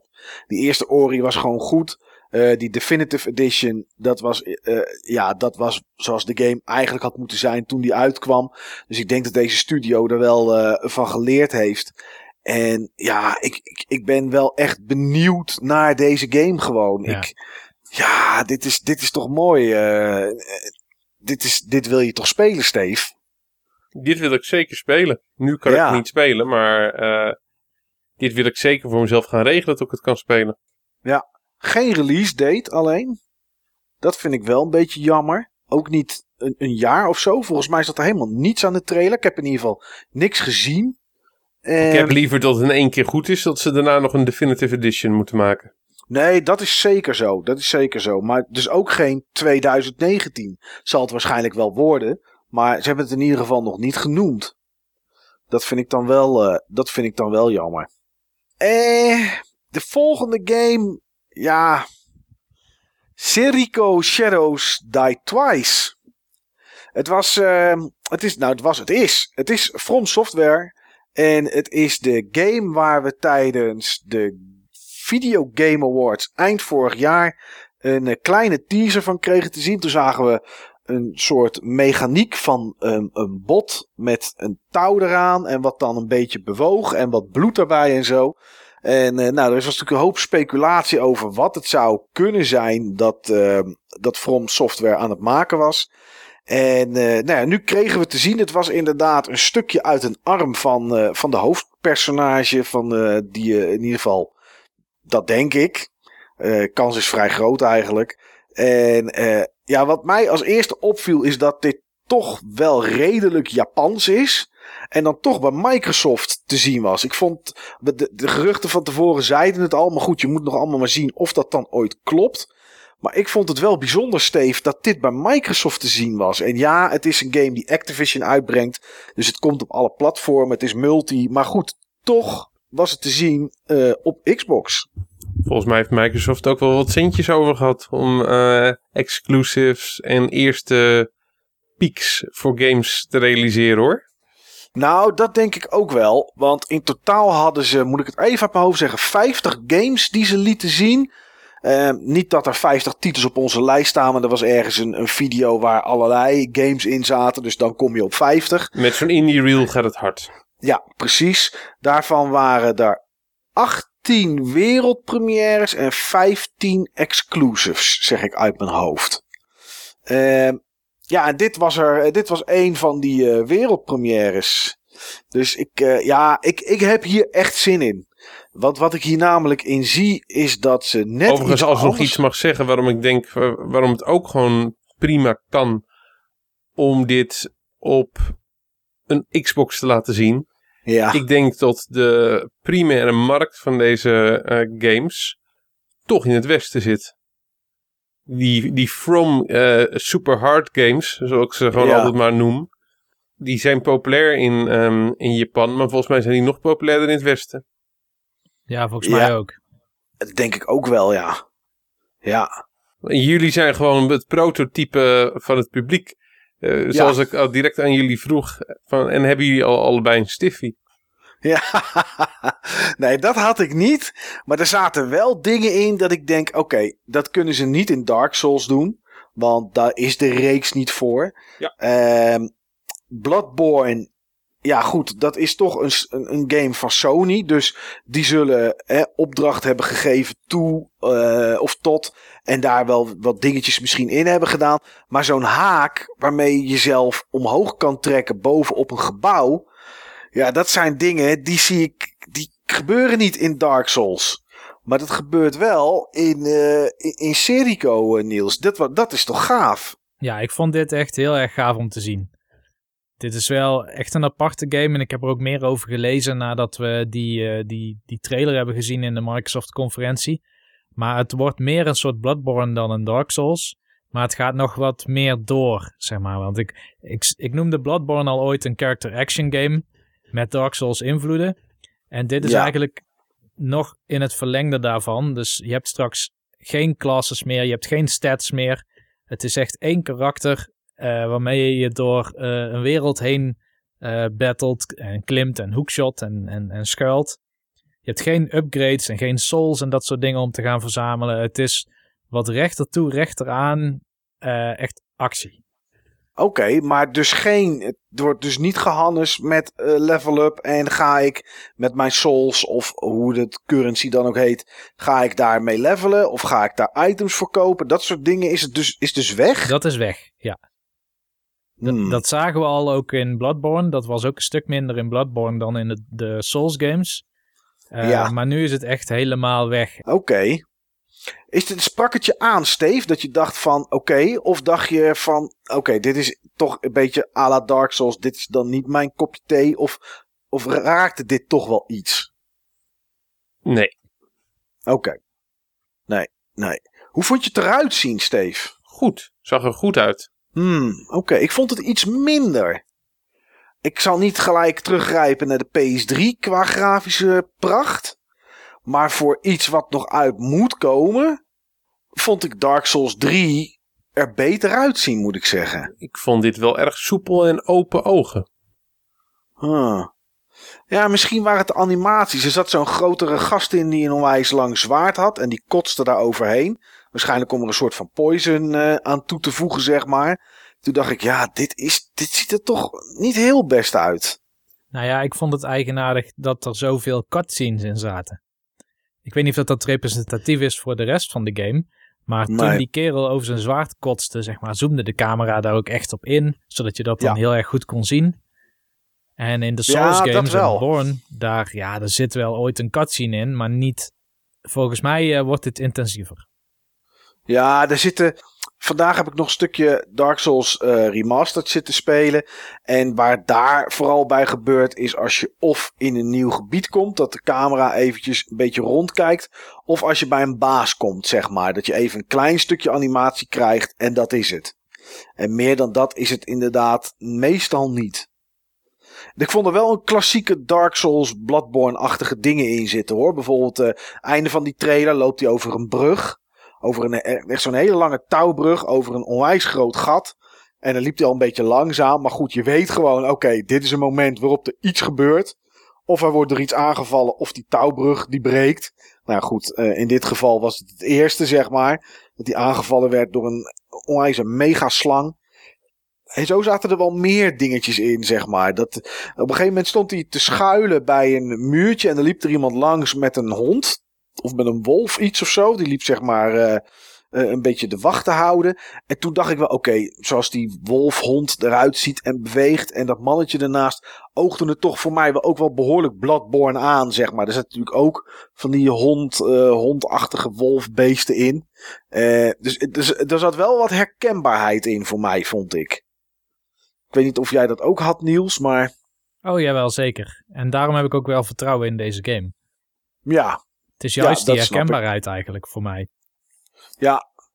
Ja, ik ben, uh, ik ben benieuwd. Volgens mij hebben we helemaal niets aan datum en tijd gekregen. Uh, maar ja, goed. Ik, ik hoop dat het toch ergens, uh, ja, ergens volgend jaar een keer er is. Dat zou toch op zich wel, dat zou toch op zich wel leuk zijn. Ja, 2019, uh, maar ja goed, wanneer, dat is onbekend. Ja, de volgende verrassing voor mij dat die bij Microsoft te zien was, was Fallout 76. En dat was natuurlijk een, uh, een game die we al, al wisten. Want we, hij was natuurlijk al aangekondigd door, uh, door Bethesda. Met een uh, twee dagen, nee, twee of een eendags, eendags volgens mij. Eén dag durende livestream op Twitch. Waarbij helemaal niets te zien was. En waar toch gemiddeld zo'n 80, 90.000 mensen naar keken. En ik kan niet ontkennen dat ik ook niet af en toe even, even heb gekeken. Uh, ja. Hij kwam natuurlijk ook in de Bethesda persconferentie voorbij. Maar misschien moeten we het gewoon maar in één keer meenemen. Hier tegelijkertijd nu. Lijkt me het beter. toch over hebben. Zeg het maar, Steve. Wat denk je ervan? Wat vind je ervan? Fallout 67. 76 bedoel ik. Sorry. Fallout 76. Qua sfeer vond ik het wel gewoon heel erg Fallout. Ja. Toen ik het zag, snapte ik niet het verschil met andere Fallouts. Oké. Okay. Um, later, op basis van dingen die ik gelezen heb, mm. begon ik te snappen van dat het veel meer uh, als een survival game gepresenteerd wordt. Ja, dat is het ook. Het, het, is, een, een, het is de Fallout die het allereerste jaartal aantikt dat er nu is, zeg maar. Het is 25 jaar nadat de bommen zijn gevallen. Uh, Fallout uh, Vault 76 is één van de eerste, niet de eerste, maar één van de eerste vaults die dan open gaat. En het is aan jou om samen met wat andere mensen um, ja, de wereld zeg maar langzaam opnieuw op te bouwen. Dat is de, dat is de truc. En uh, het is vier keer groter dan Fallout 4. Maar het is ook wel heel anders dan Fallout 4. Uh, er zijn bijvoorbeeld geen NPC's. Gewoon niet. Elk personage dat je tegenkomt, menselijk personage, is een andere speler. Ze gooien niet honderden mensen op een server. Dus ik weet ook niet hoe, het, hoe dat gaat uitpakken. Maar een handjevol, zeg maar. Misschien een 20 mensen of zo per server. Zoiets, 20, 30 mensen. Uh, je kan het in co-op spelen met vier mensen maximaal. Uh, in een groepje. Ja, en daar zit dus ook player versus player in. Als jij een andere speler tegenkomt en die doet vriendelijk en jij doet vriendelijk en je gaat met elkaar spullen ruilen of dingen opbouwen of wat dan ook, dan is het prima. Maar ja, je kan hem ook aanvallen en hem kapot schieten. Dat is ook een uh, mogelijkheid. Uh, je moet bouwen, je moet eten, je moet drinken. Um, als je dingen eet of drinkt die, uh, die, die, die nog radiation hebben, dan kan je langzaam een beetje ga je verminken. Um, ze hebben de map zo ingericht dat je overal je eigen huis kan bouwen of je eigen stad kan beginnen. Maar ja, dit worden ook af en toe aangevallen door de, door de personages. Tenminste, door, niet door de personages. Ja, kan. Andere personen kunnen je aanvallen en ook jouw gebouwen slopen. Maar het kan ook gedaan worden gewoon door de beesten die er rondlopen. Ja, en ze hebben hier en daar hebben ze uh, plekken gemaakt waar atoombommen liggen. En als je met z'n allen bij elkaar of in je eentje lang genoeg gaat scharrelen, dan kan je daar de lanceringscode kan je daarvan uh, bemachtigen.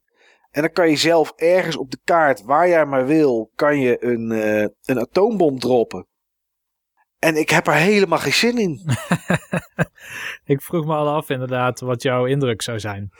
Nee, ik heb hier helemaal geen zin in. Ik moet eerlijk zeggen dat dit de, Dit is de derde Fallout game door Bethesda Studios gemaakt. 1 en 2 waren van Interplay. Of die gaf het in ieder geval uit. Ik weet niet uit mijn hoofd even niet wie ze ontwikkeld heeft. 3 heeft Bethesda gedaan. Fallout New Vegas kwam van Obsidian. En Fallout 4 kwam dan wel weer van Bethesda en deze ook. En ik vond Fallout 4 uiteindelijk al een stuk minder. En ik zit nu gewoon naar een beeld en shooter te kijken. Uh, het gaat puur om het elkaar neerknallen. Uh, heb ik straks een huis gebouwd? Nou, ik denk het niet trouwens, want daar vind ik echt helemaal, helemaal niks aan. Heb ik straks een huis gebouwd? Uh, ben ik daar, weet ik veel, drie, vier dagen mee bezig geweest. Ik weet ook niet waar mijn huis naartoe gaat als ik uitlog. Verdwijnt mijn huis dan van de map? dat zou kunnen. Ja, ja Daar dat kom zou je kunnen. terug is het helemaal kapot. Ja, kom je terug is het kapot. Of je neemt het mee. Maar dan log ik straks in, kom ik op een andere server terecht waar al een huis staat van iemand anders op diezelfde plek. Want je, je zal vast plekken hebben die heel mooi zijn om daar te gaan bouwen. Wat gebeurt er dan? Wordt mijn huis ergens anders neergezet? Of kwakt hij dat erbovenop? Of dat soort dingen. Uh, maar goed, dat, is, dat zijn technische details. Maar heb, ben ik straks drie, vier dagen bezig geweest met een huis te bouwen? Heb ik allemaal uh, materialen verzameld en weet ik wat allemaal. Heeft mijn gekke buurman heeft de lanceringscodes van nucleaire, van, van die atoombom heeft hij te pakken. Gooit hij een atoombom op mijn huis. Nou, denk niet dat ik er heel vrolijk van word, jongens, als dat gebeurt. Dus ik vind, ik zit hier niet op te wachten. Ik hou van de Fallout, het universum. Niet eens zozeer van deze sfeer. Het zag er wel hier en daar super mooi uit. Dat wel. Maar nee, ik zit, het is te shooterig voor mij. Het RPG-element is weg. Dat was in 4 ook al gedeeltelijk. Ja, daar zit wel een questlijn in. En er zijn meerdere quests. Maar die komen dan ja, vanaf de overseer. De overseer is zeg maar een soort um, leider van een vault. Uh, want er zijn geen andere NPC's. Dus heel veel quests zullen er dan denk ik voor de rest niet in zitten. Misschien met items die je vindt, dat daar dan een verhaal aan zit. Maar nee, ik, ik ben totaal niet enthousiast. Wat, wat jij Niels, wat vind jij hiervan? Nee, ik ben ook niet enthousiast. En, en eigenlijk kwam het pas voor in de Bethesda-conferentie. Maar Ja. daar, en dat vond ik heel erg jammer dat ze dat deden, maar ik snap het wel, want ze moeten natuurlijk tonen dat ze uiterlijk het uiterste vertrouwen hebben in deze game. Maar Ja. daar zeiden ze van, dit is eigenlijk wat Fallout altijd had moeten zijn. Weet je, op zo'n toon werd het ook gebracht. Dit is waar Ja. we al die jaren naar toegewerkt hebben om dit mogelijk te maken. En het is eigenlijk niet een core Fallout experience dadelijk. Nee, nee ja, vind, ik, vind ik in ieder geval niet. Het is, ja, ik weet niet wat het wel is. Ja, het is, het is gewoon eh, dingen zoals Ark en Rust. Het zijn gewoon survival games. En dat is, ja, ik weet niet. Weet je, ik, in Fallout 3, toen dat speelde ook New Vegas, als ik in gevecht kwam, drukte ik, ik speelde het op PC, altijd als eerste op de V van Victor, oftewel de V van Fats. Dat is het systeem waarmee de game stilstaat. En dan kan je kijken, oké, ik heb zoveel kans om hier te raken en daar. Nou, dat zit hier wel in, maar de game staat niet stil. Dus het wordt echt, echt shooteren. Nou, en nou staan die Fallout games nou niet echt bekend om hun accurate schietgedrag. Dat, daar zijn ze niet zo goed in. Dus ik, ja, nee, ja. 14 november komt het uit. Ik denk dat op dag 1, 2 en 3 niemand het kan spelen. Want als je maar 20, 30 mensen op een server knalt, vraag ik me af hoeveel servers je nodig hebt. Ehm, maar ja, ik weet het niet. Ga jij het spelen, Steve? Vind je het interessant? Nee, nee, nee, nee. Gek, hè? Ik vind het gek dat, het, dat, dat wij drieën het niet interessant vinden. En, en, en ik heb meer mensen Hoezo is dat gek? Omdat ehm, dit iets zou zijn wat wel bij dit tijdsbeeld past. Snap je? Het is, het is, eh, eh, je bent altijd online. Eh, het is een game die niet meer... Kijk, als ze nu een, een Fallout 3 zouden maken... maar ze zouden het Fallout 5 noemen... zou ik er heel erg gelukkig mee zijn. Maar heel veel mensen niet, want die vonden Fallout 4 echt geweldig. Dat is misschien andere lichting, zeg maar. Hè? Dat, dat zou kunnen. Maar dit past wel een beetje bij dit tijdsbeeld, dit soort games. Maar toch zitten we er allemaal niet om te springen.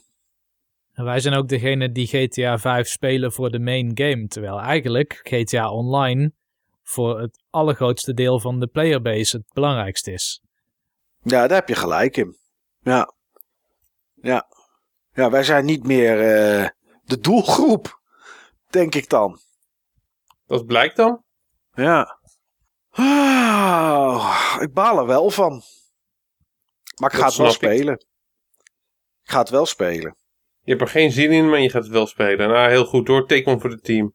Ja, nee, ik wil toch zien, omdat Fallout, weet je, dat, doet, dat heeft toch een speciaal plekje. Ik wil toch weten of het inderdaad niet iets voor mij is. Nou, dus dan ga ik het gewoon spelen. Kom je op één manier achter? Ja, en dat is uh, door het te doen. In de Microsoft persconferentie kwam daarna The Awesome Adventures of Captain Spirit. Dat is gratis vanaf 26 juni. Uh, ja, kan je kopen en uh, leuk. En zit in de Life is Strange uh, universum. Crackdown 3 werd daarna uh, werd getoond. Nou, Crackdown 3 die werd volgens mij op de dag of één of twee dagen voordat, voordat het, de, de persconferentie was, werd die uitgesteld. In ieder geval. komt nu in februari 2019. Dus daar hebben we voorlopig nog even niks mee van doen. En daarna toonden ze, en dat was voor mij een beetje rommelig wat het was. Maar Niels die, uh, die helderde het op in ieder geval. Nier Automata, uh, de Become as Gods Edition. En jij zei toen op WhatsApp, Steve, dit wil ik op de Xbox spelen. Zoiets. Klopt. Ongeveer, ja. Klopt. Ik had hem al op het netvlies. Ik weet zeker dat het een hele gave game is. Zeker. Ik heb er ook alleen maar goede dingen over gehoord. En ik weet ook van dat hij op de PC gewoon een heel stuk beter draait dan op de, op de PlayStation 4. Inclusief de mhm. PlayStation 4 Pro. En dan denk ik dat dit uh, de next best thing is. Ja. ja. Dat denk ik ook. Vooral ook omdat alles er ook in zit. En dat je dat niet los hoeft af, aan te schaffen. Ja, ja, alle DLC zit erin. Hij, was, hij is alleen download only. Maar goed, uh, het is wel 2018. Dus ik denk dat we daar toch allemaal steeds minder uh, moeite mee hebben. Tenminste, ik in ieder geval wel.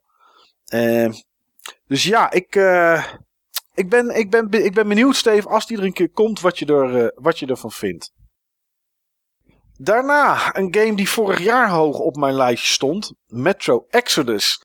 Maar ja, ik weet niet hoe het komt. Maar ik ben vorig jaar na Metro Exodus, dat die eerste trailer kwam, ben ik die allereerste Metro gaan spelen. Metro, wat is het, 2033 of zo? Of ik weet niet meer. Zoiets. Ik weet ook niet hoe die heet. Ja, nou in ieder geval die eerste Heb je Metro. Die, uh, die, die remaster gespeeld? Ja, die Redux. Ah, ja. ja. En ik vond dat niet zo heel erg interessant eigenlijk. Ik vond het een beetje saai. Ik, ik wilde mezelf er wel doorheen duwen. Zo van, nou ja, oké, weet je, ik, uh, ik ga het maar gewoon doen. Want ja, dan heb ik ze in ieder geval gespeeld voordat Metro Exodus uitkomt. En ik ben, uh, weet je, dat merk ik altijd aan mezelf. Dat is echt zo'n zo'n zo'n zo'n teken is dat, dat ik een game niet leuk vind. Weet je wat ik dan ga doen? Dan ga ik op een gegeven moment ga ik kijken van, oké, ik zit in hoofdstuk 6 en dan ga ik googlen hoeveel hoofdstukken er nog zijn. En als ik dan denk van oké, ik zit in 6 of ik geloof dat ik in 9 zit of zo en er zijn er 16, dan denk ik jeetje, dan moet ik nog zo'n eind man. Ik weet niet of ik daar zin in heb en dan pak ik zo'n game ook niet meer op. Dan laat ik het liggen. Nou ja, goed. Ik wilde er toch wel iets over zeggen. Meer dan dit heb ik eigenlijk niet. Ik heb daarna nog wel de 4K gameplay beelden heb ik zitten bekijken. Het ziet er wel echt wel goed uit. Dat moet ik wel echt toegeven. Uh, ik vind de omgevingen wel tof, omdat het meer boven de grond is. Dat ondergrondse was ik nu al zat. En ik zit pas halverwege Metro 1. Maar uh, ja, ik, uh, ik weet niet. Ik hou hem wel in de gaten, maar het is, hij staat iets minder hoog op mijn verlanglijstje. Niels, waarom wilde jij iets zeggen over Kingdom Hearts 3? Want die kwam daarna. Ja, ik vond het apart dat hij in de Microsoft-conferentie zat. Dat ten eerste. Ja, ja, er werd ook, uh, Phil Spencer zei ook van voor het eerst op Xbox. En hij maakte er ook best wel iets, nou iets groots is overdreven, maar hij maakte er wel iets van. Ja, ja, en wat ik ook interessant vond, is dat er zit heel veel gesproken tekst in. Maar de lip-sync van de karakters klopt met de Engelse voice acting.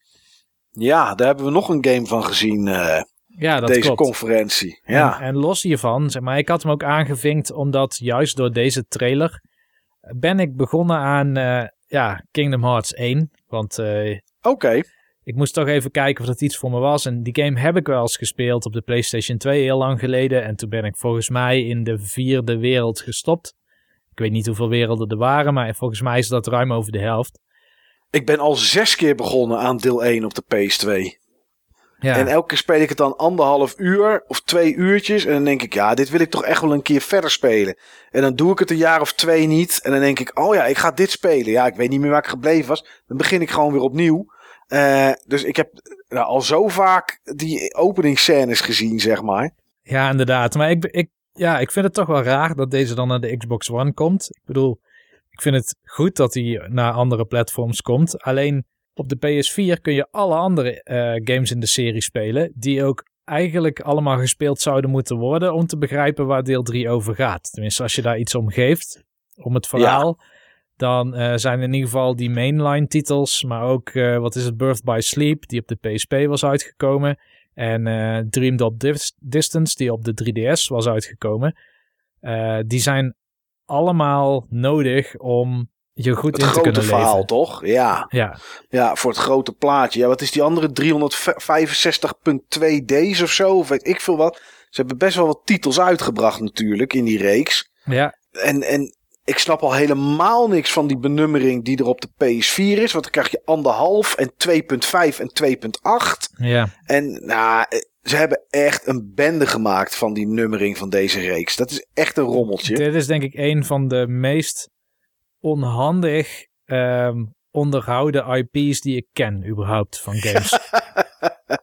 ja, ja, inderdaad. Ja, dat, eh, nou, dat, dat kan je wel zeggen, inderdaad. Maar ja, goed.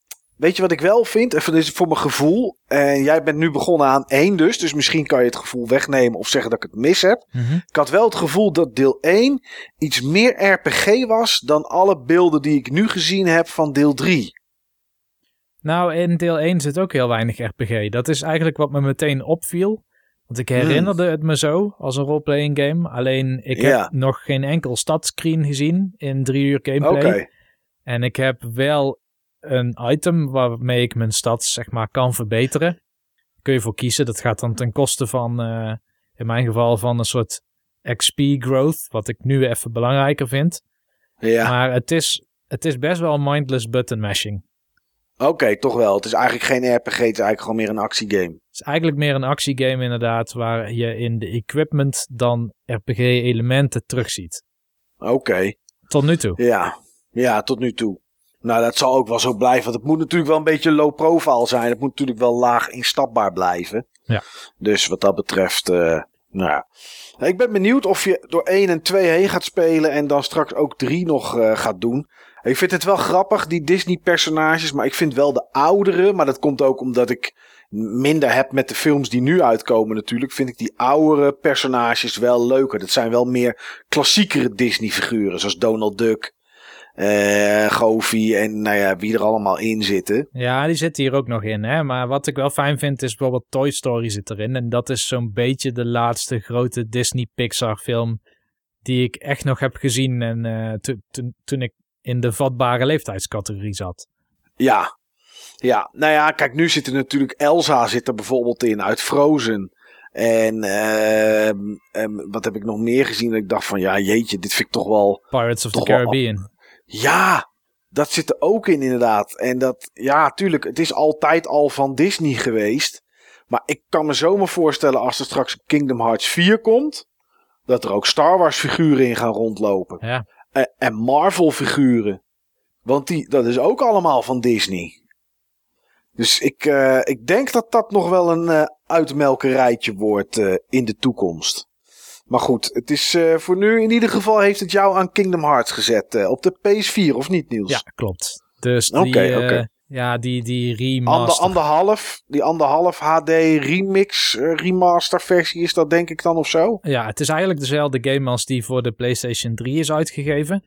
Ja, Maar dan ehm, in theorie 60 frames per seconde. oké, in theorie. Dat is mo- mooi omschreven. Want dat haalt het niet, nee. Nee. Uh, daarna, en ja, ik had er toch maar een sterretje bij gezet om het er, uh, om het er heel even over te hebben. Uh, ja, Sea of Thieves. Daar komt een. ja, komen meerdere uitbreidingen voor. De eerste is de Cursed Sales. Dat komt ergens in juli. Volgens mij 7 juli, als ik het even uit mijn hoofd zeg. ja, en dan de Forsaken Shores komt later in het, in het jaar. En dat is een nieuw stuk land. En ik denk, Niels, dat jij het toch wel met me eens bent dat dat wel nodig was, toch? Ja, zeker. En ik moet zeggen, op het moment dat ik die beelden zie en die visuele stijl, heb ik meteen weer zin om dat te gaan doen. Alleen zoals de game nu is, weet ik precies wat me te wachten staat. En zo'n nieuw land zou wel kunnen sparken om die Game Pass weer eens een maandje te activeren om te zien wat er nu allemaal te doen is. Ja, Alleen het enige wat ik wel jammer vond, en dat is dat het ook een, een soort klein sterretje maar is die ik neergezet heb in ons spreadsheet, is dat het is uh, een nieuw land. Maar ik heb niet het gevoel dat, we daar, dat daar zoveel mee gaat veranderen dat er een progressiesysteem in komt. Of um, dat er echt meer of interessantere quests in komen dan dat het nu is. Ik heb echt het gevoel van oké, het is een nieuw land en daar zullen vast grote nieuwe gevaren zitten. Want inmiddels is het DLC uit met een soort van reuze haai die die je aan kan vallen. Uh, die jou aan kan vallen of die jij aan kan vallen. En we hebben natuurlijk die Kraken. Maar ja, ik weet niet wat dit nog moet gaan doen, zeg maar, om het, uh, om het heftiger te maken. Of interessanter. Wat zouden ze voor jou even kort theoretisch tussendoor erin moeten stoppen om je twee maanden die Xbox Game Pass te laten komen. twee maanden? Oké. Ja. Um, wat, wat mij wel heel erg leuk zou lijken is als je samen bijvoorbeeld een, um, een soort eindbaas hebt. Dat je meer het, het raid idee, wat je misschien in die Kraken dan wel hebt, maar uh, dat je eerst iets moet gaan zoeken. Dus wel met een schatkaart ergens naartoe wordt geleid. Ja. Misschien zelfs Tomb Raider-achtig, dat je dan een puzzel op moet lossen. En uh, ja, dat je echt meer een soort quest krijgt met een kop en een staart eraan. Ja, volgens mij is dat wel met die, met die haai een beetje zo. Volgens mij moet je daar wel iets voor doen en, een, en, een, en, een, en iets gaan zoeken en daar dan weer iets van vinden. En dan kom je volgens mij bij die haai op een gegeven moment. Maar nou ja, goed. Wie weet dat dat, uh, dat, dat ooit nog eens gaat gebeuren bij, uh, bij een, volgende, een volgende DLC. Goed, de game die daarna te zien was, was Battlefield 5. Maar goed, daar hebben we het al over gehad. En toen kwam Forza Horizon 4. Uh, ja, geen grote verrassing. Maar ik heb zin in die game, jongens. En dat, dat is snap ik wel. Dat is heel raar, want ik ben nooit iemand die van race games houdt. Maar ik had hier zin in. Maar waarom snap jij het, Steve? Ja, het zag er gewoon zo bizar mooi uit. Goed, hè? Ja. Ja, ik, ik vond dit heel goed. Dit was zo'n mooie reveal. Ik dacht even dat het gewoon de volgende grote Horizon was. Zo goed zag het eruit. Ja. Of de volgende Forza moet ik zeggen. Ja. Want Forza Horizon is natuurlijk die grote open wereld game. Ja, uh, wat meer arcade dan Forza Motorsport. Ja, en dat is juist goed. Want dat is precies wat ik wil. Ja, ik ben ook altijd wel uh, gevoelig voor een echt goede racer. Ja. Vaak speel ik er dan te weinig. Dat, ja, herken ik. Die racers, dat zijn ook vaak van die hele mooie grafische showcases, joh. Je ziet ook vaak um, bij nieuwe console releases. Ja. Vaak is dat ook altijd een, een, moment ook altijd gewoon een racer koop. Koop ik altijd gewoon de mooiste of de tofste racer. Ja, snap en er ik. zijn er twee opties. Of hij wordt heel veel gespeeld, of hij wordt nauwelijks gespeeld. Ja. En tussenin zit er eigenlijk niks. Nee, nee, dat, uh, dat herken ik. Ja, maar Forza Horizon 4, ja, die seizoenen, dat was toch wel geweldig hoor. Ze lieten natuurlijk, uh, we hebben zoveel games en er zijn zoveel race games al die iets doen met weer. Hè, dat bij regen dat je wat meer slipt of bij ijs en dat soort dingen. Maar wat ik hier echt gaaf vond was dat ze een voorbeeld lieten zien van, ze hebben sowieso alle vierde seizoenen laten zien en wat het dan daarmee doet. Maar dan zag je um, zag je ergens in de herfst of weet ik wat, zag je ze ergens rijden langs een groot meer en weet ik wat allemaal. En dan wordt het winter en dan bevriest het meer. Dan kan je over het meer rijden en dan kan je dus op plekken komen waar je eerder niet kan komen. En daar zijn dus ook weer nieuwe challenges en dat soort dingen. Ja, dat vond ik toch wel heel tof hoor jongens. Dat vond ik echt gaaf bedacht. Ik ken geen andere racegame die dat doet. Nee. Het is de eerste racegame sinds tijden waar je dat yeah! idee van krijgt. Want Dukes of overal tegenaan wil rijden en uh, over schansen wil springen en zo. Ja. Gewoon lekker freeformen. Ik heb heel lang geleden ooit op de PC, dat is denk ik 15 jaar geleden of zo, zo'n motorspel gehad. Waar je vast uh, gewoon time trials moest rijden. Maar ik vond het dan leuk om langs de boerderijtjes en zo snel mogelijk er langs te gaan. En ergens een schans te vinden en overheen te springen. Want de physics waren heel mooi geïmplementeerd.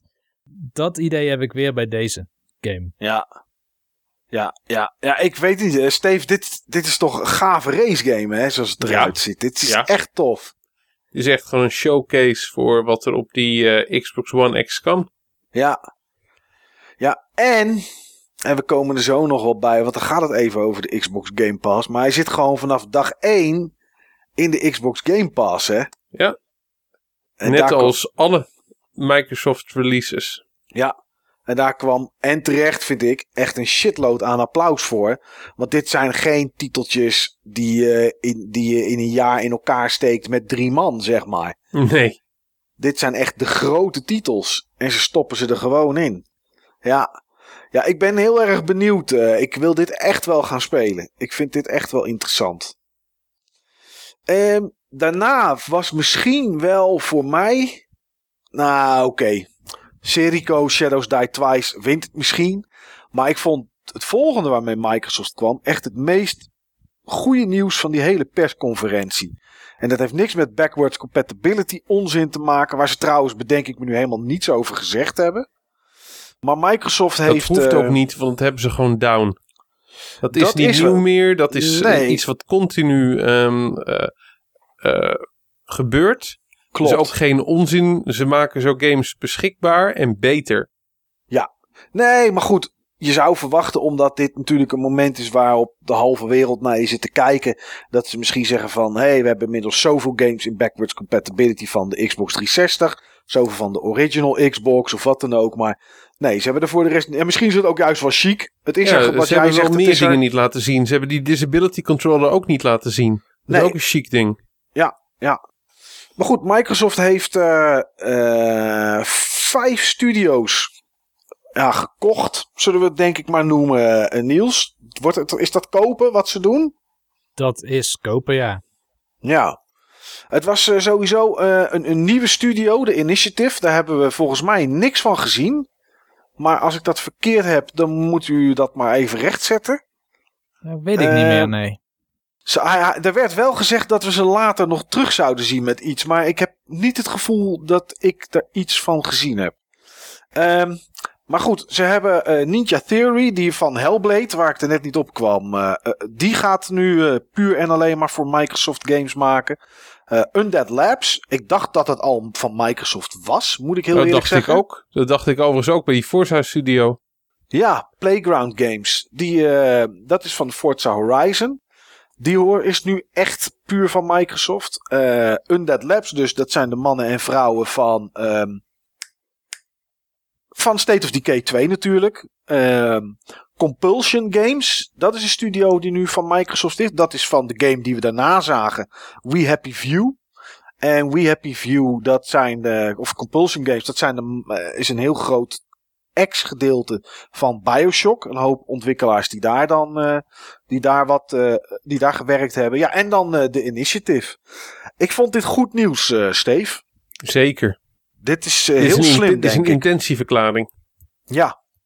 Eigenlijk is dit precies het tegenovergestelde van wat je een paar jaar geleden zag gebeuren. Dat al hun exclusives wegvielen. Ja. En dat je bijna kon gaan denken van... Neemt Microsoft dit nog wel serieus? Wil Microsoft hier niet uit gaan, uh, uh, gaan stappen. Ja. Ja, ze vielen bij, de, bij bosjes toen, joh. Ja, dat is Scalebound. Ja.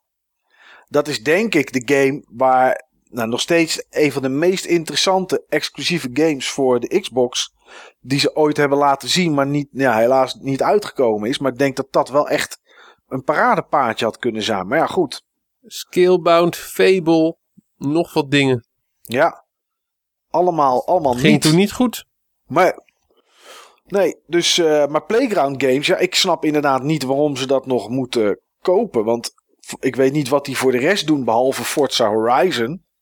Ik heb het gevoel dat ze niet heel veel tijd hebben om iets anders te doen. Maar goed, het, Misschien is het om te voorkomen dat ze iets anders gaan doen dan Forza Horizon. Dat zou natuurlijk wel kunnen. Ja, dat zou wel gewoon een belangrijke franchise voor ze. Dat hebben we net nog uh, uitgebreid besproken. Ja. Ja, ja. Om een gevalletje Bungie te voorkomen. Hmm, zeker. Ja, ja, ja. Dat is wel. Uh, dat is inderdaad wel. Uh, het is wel slim om dat, om dat te doen, inderdaad. Als je het geld ervoor hebt. Als, als ze Bungie gehad hadden, dan was toch wel eventjes een slagje geweest hoor. Nou, dat zeker wel. Ja. Destiny, exclusief op, um, op, op Xbox. Ja. Grote game hoor. Het is een game die indruk heeft gemaakt toen zeg maar bij die E3 van vijf, uh, zes jaar geleden. Ja, ja, zeker. Ja, nee, ik, uh, zover ik kan zien heeft de initiative nog helemaal niets gedaan. Uh, maar er staat wel een gast van Crystal Dynamics aan het hoofd. Dat is wel, hm. dat is natuurlijk wel interessant.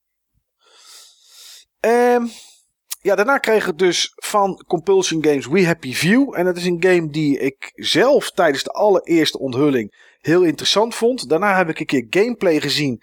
En was het ineens een soort van half open wereld iets. En vond ik het niet zo interessant meer. En toen zag ik deze trailer, want de game komt uh, binnenkort uit in augustus. Ik zeg uit mijn hoofd 18 augustus. Maar het zou ook zomaar kunnen zijn dat ik het mis heb. Uh, eh, 10 augustus is het. 10 augustus komt de game uit.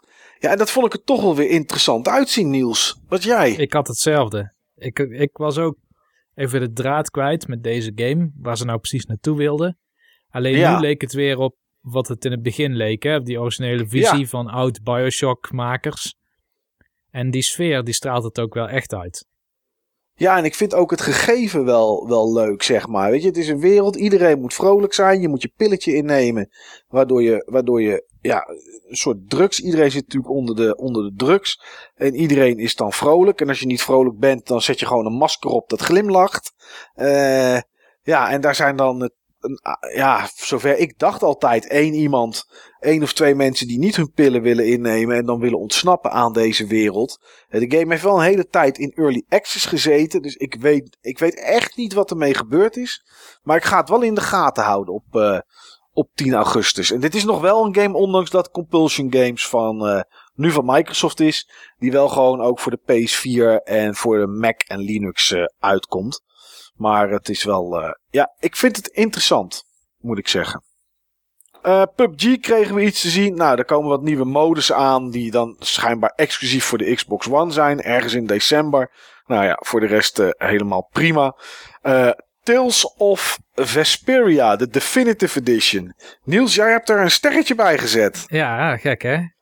Nou, nee, eigenlijk ook weer niet. Oh. Waarom niet? Nee, eh, nou omdat ik dit vind ik, is denk ik wel een game die jij interessant vindt.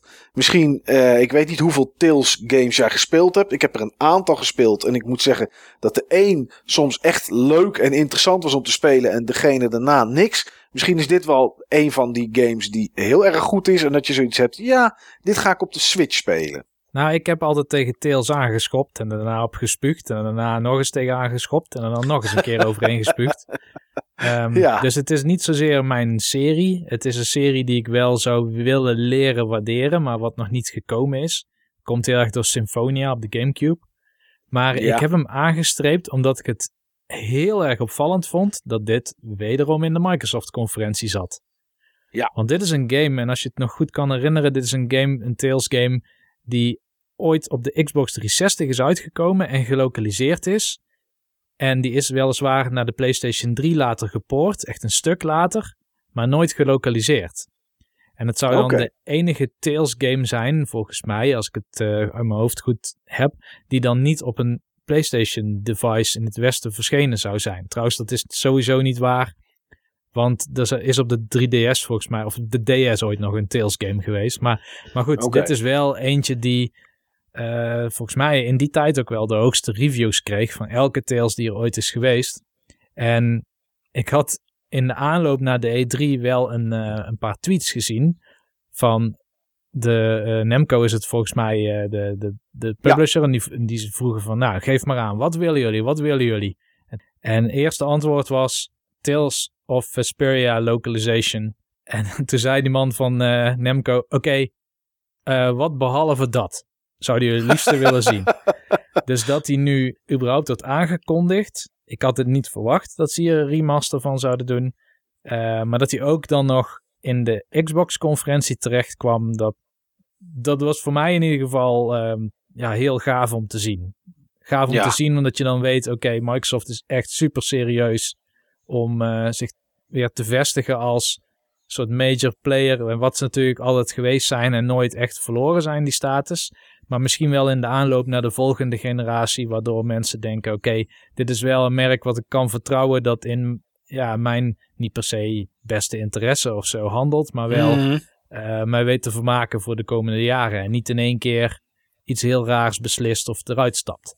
Nee, dat in ieder geval de plek is waar ook dit soort games thuis horen. Ja. En, uh, en natuurlijk, hij komt ook naar PS4, naar Switch en naar PC.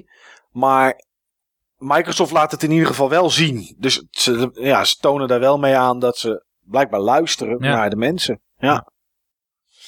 De game daarna, uh, ja, potverdorie. The Division 2. Steve, ik ben heel benieuwd wat jouw indruk daarvan is. Ja, die was goed. Ja. Ik vond het allemaal toffer en gestroomlijnder dan The Division.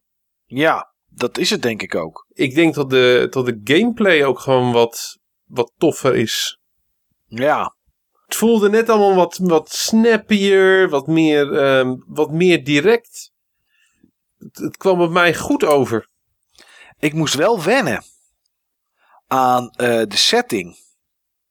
Want Division, ja, het is zomer. Ja, de Division speelt zich. Uh, Division 2 speelt zich niet af in de winter. En niet met sneeuw en met ijs. En uh, soms geen hand voor ogen zien. En dat was toch wel ook de sfeer voor mij in de Division. Klopt. Die, uh, die heel veel toevoegde. Klopt. Maar Al vind ik het ook wel goed, want het kan ook niet eeuwig winter blijven. Nee, ik vind het heel goed. Want als je namelijk en daar dacht ik later over na. In het begin dacht ik, jeetje, wat is dit? Want het speelt zich af in Washington DC. Daar heb je natuurlijk hele toffe set pieces. We zien Air Force One in de, in de gameplay. Ja. Uh, in de gameplay Helemaal overwoekerd. Ja. En we zagen in de achtergrond, althans daar gingen ze naartoe, in ieder geval het Witte Huis, volgens mij. Ja. Um, maar als ze weer het in de sneeuw hadden gedaan, en sneeuw, ijs en dat soort dingen, had je wel het gevoel gehad, ja, dat is misschien wel een beetje makkelijk om weer dat te doen. Nu zat ik wel zo van, oké, dit is wel even heel anders, maar ik denk wel dat het goed is. Ja, dit maakt het gewoon al veel meer een, een Division 2. Ja, puur alleen gewoon die ene switch maakt het al enorm een Division 2. Ja. En um, ik vind dat de Division een enorm verbeterde game is geworden. Ja. Ik heb het weinig, uh, ik heb er weinig mee gespeeld, dus een verbeterde vorm. Maar heel veel goede dingen over gehoord. Ik heb het in december nog een keer gedaan. Dat, dat weet ik. Ja, oh, daar hebben we het nog over gehad volgens mij in de podcast. Ja. Ja. Um, ja, ik zag gewoon heel veel kleine dingen die me aanspraken.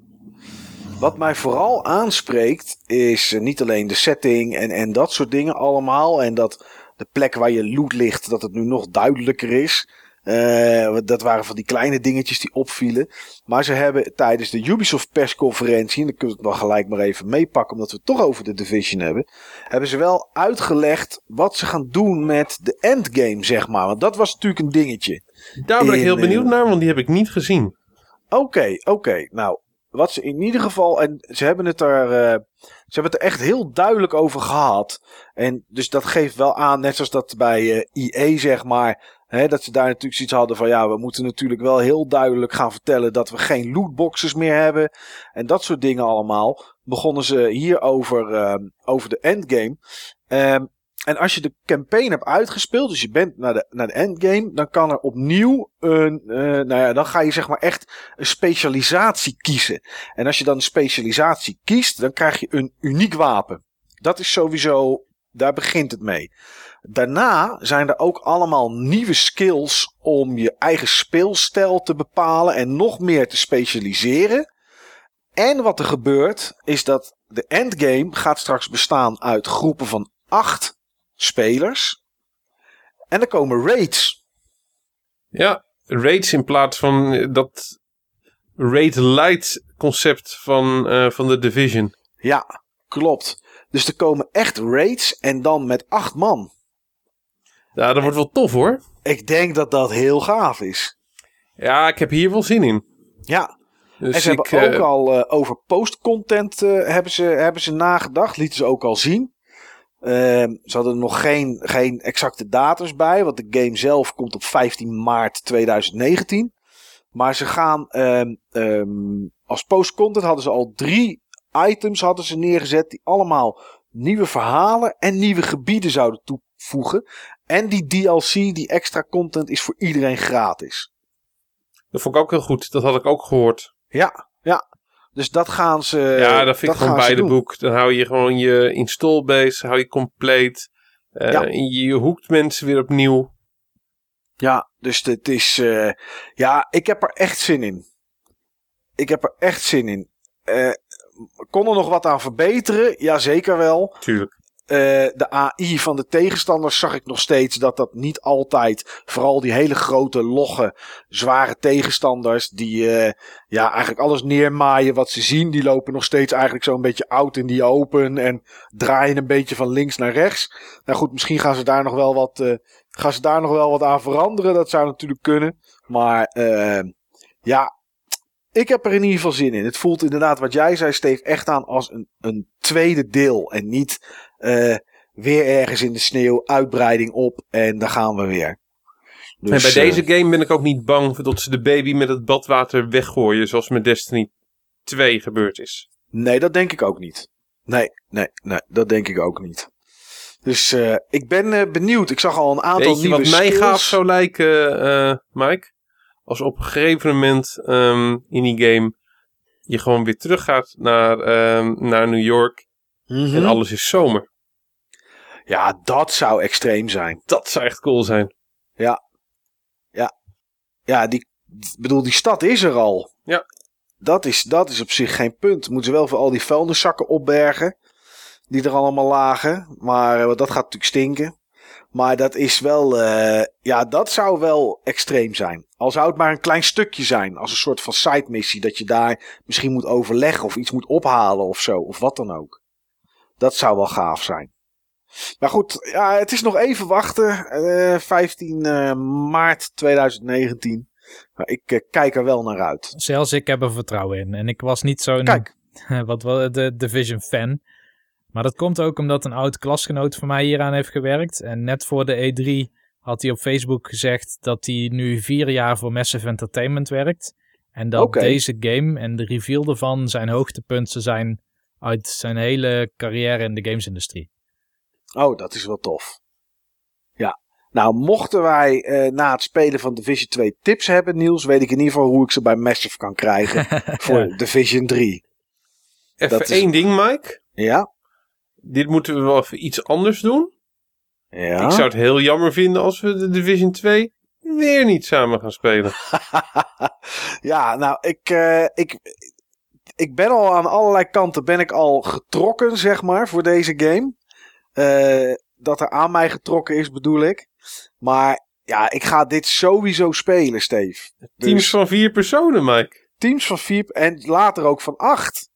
Nou, dan moet het sowieso goed komen.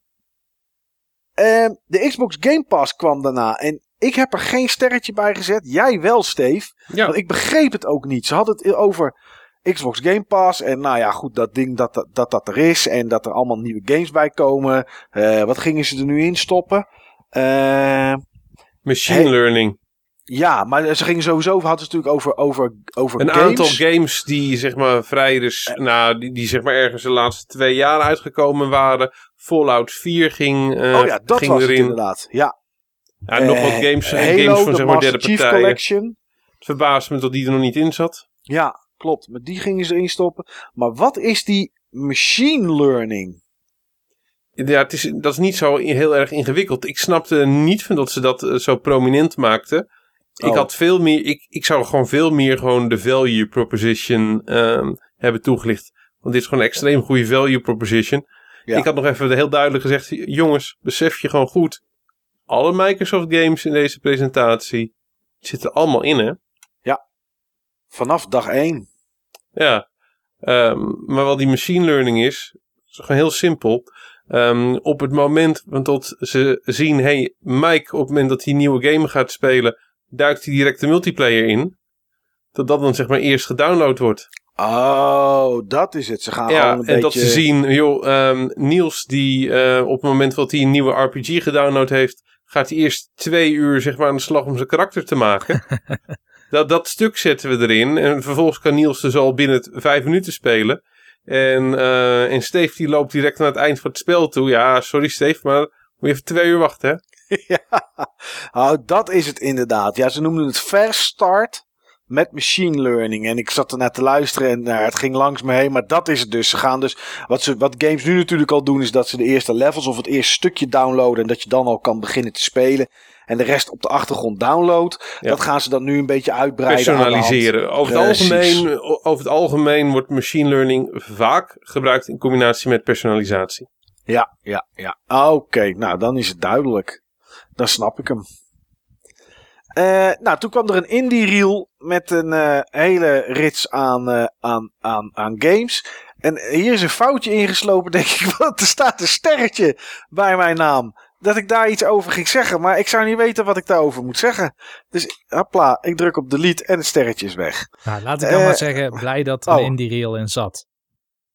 Dat, ja, snap ik dat er in ieder geval wel aan gedacht wordt. Ja. Ik vind dat in deze presentatie ook een indie reel hoort. Ja. ja. Ja, misschien zat er toch een game in dat ik dacht, daar moet ik iets over zeggen. Maar Vast ik, wel, maar laten we eerlijk zijn. Het was zo'n stortvloed aan, uh, aan games en info.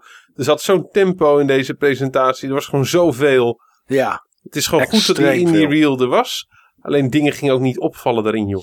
Nee. Nee, dat is vaak zo. Um, Shadow of the Tomb Raider werd daarna werd de eerste gameplay uh, getoond. Nou, dat is voor de rest prima voor iedereen die het interessant vindt. Session, dat was een game die daarna kwam. Uh, iedereen uh, roept al jaren op het internet om Skate 4. Maar goed, dat zal misschien 10.000 man zijn die daar heel hard om roept. En voor de rest boeit niemand het. Er was een kans dat, dat Session toch Skate 4 was. omdat um, de servers voor Skate 3 zijn een week voor de E3 weer aangegaan. Dus iedereen hoopte eigenlijk bij IE er iets van te zien, maar dat was het voor de rest niet. Toen zagen we eh, iets van een, een, een magician en een wizard. En toen hoopte ik op Fable. Maar het bleek toch Black Desert Online te zijn. Die komt uh, redelijk exclusief naar, uh, naar de Xbox One. Niet dat de game niet op PC is, maar dat willen ze dus mee aangeven dat hij niet naar de PS4 komt. Of in ieder geval voorlopig niet. En toen Devil May Cry 5. Ja, we hebben allemaal een sterretje te staan. Waarom heb jij een sterretje staan, Niels, bij Devil May Cry 5? Nou, hier waren al zo lang geruchten over dat deze game in de maak was. En bijna af zou zijn ook. En uh, ja, ik heb het nu al zo vaak gezegd, maar het is weer in de Microsoft-conferentie. En dit is een van die trailers, zeg maar, die zo explosief is gegaan op internet en zo is gaan trenden. Ja. Dat dit voor, uh, voor heel veel mensen waarschijnlijk het hoogtepunt voor E3 geweest is. Ja, ja, een, een, een, week van tevoren geloof ik werd het domein, wat al een tijdje geregistreerd was, werd gekoppeld aan de servers waar alle Capcom games op, uh, op, op gehost staan, zeg maar. Waar alle websites voor die games draaien. Dus het was toen al uh, te, te, verwachten.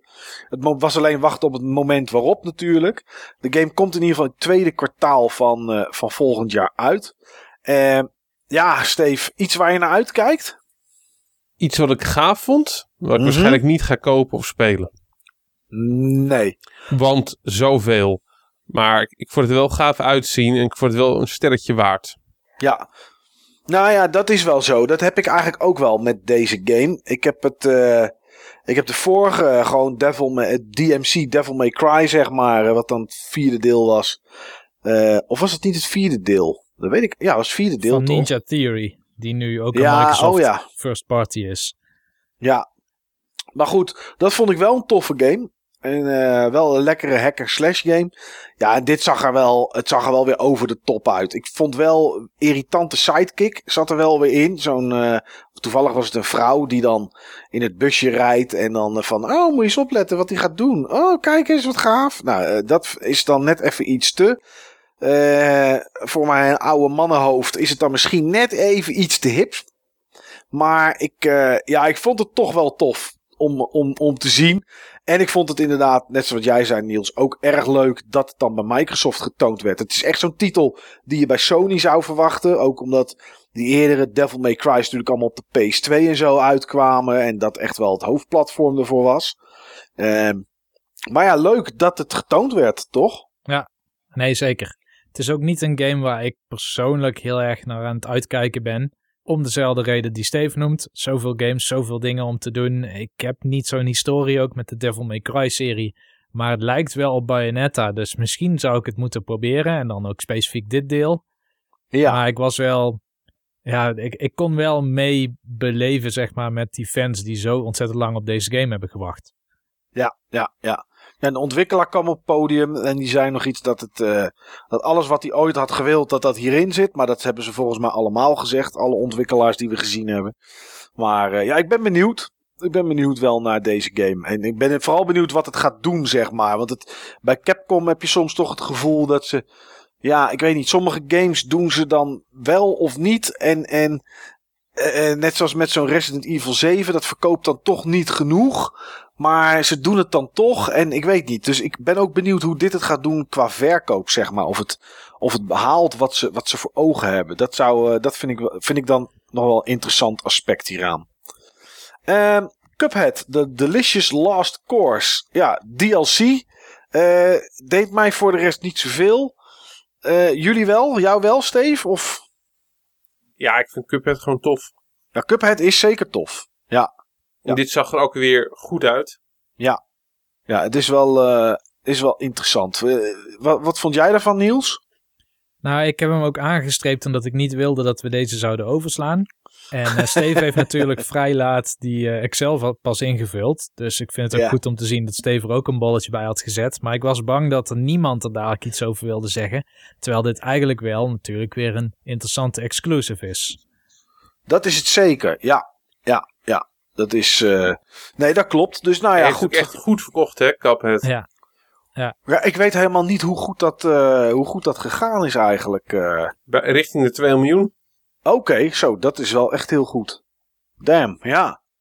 Nou ja, het, is, het duurt nog wel even voordat het uh, Delicious Last Course uitkomt. Dus ergens in 2019. Maar ik verwacht, uh, ik verwacht zelf dat het wel het eerste kwartaal of zo is. Ik denk niet dat Over hier, de 2 miljoen zelfs. Over de 2 miljoen zelfs, oké. Okay.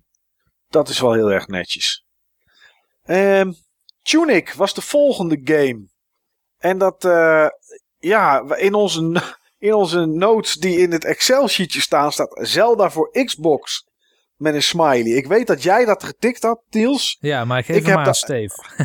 ik, ik heb daarachter gezet in blokvorm. Ja. Uh, ja, zo ja, voelt het wel zelf, aan, toch? Ik zou hem zelf iets anders willen omschrijven. Ja. Ik zou het zelf willen omschrijven als een moderne Landstalker. Landstalker, dan moet je me even helpen, Steve. Dat Landstalker is een Genesis game. Oké. Okay. Isometrische Zelda-kloon. Ja. Um, die een vervolg heeft gekregen op de PlayStation.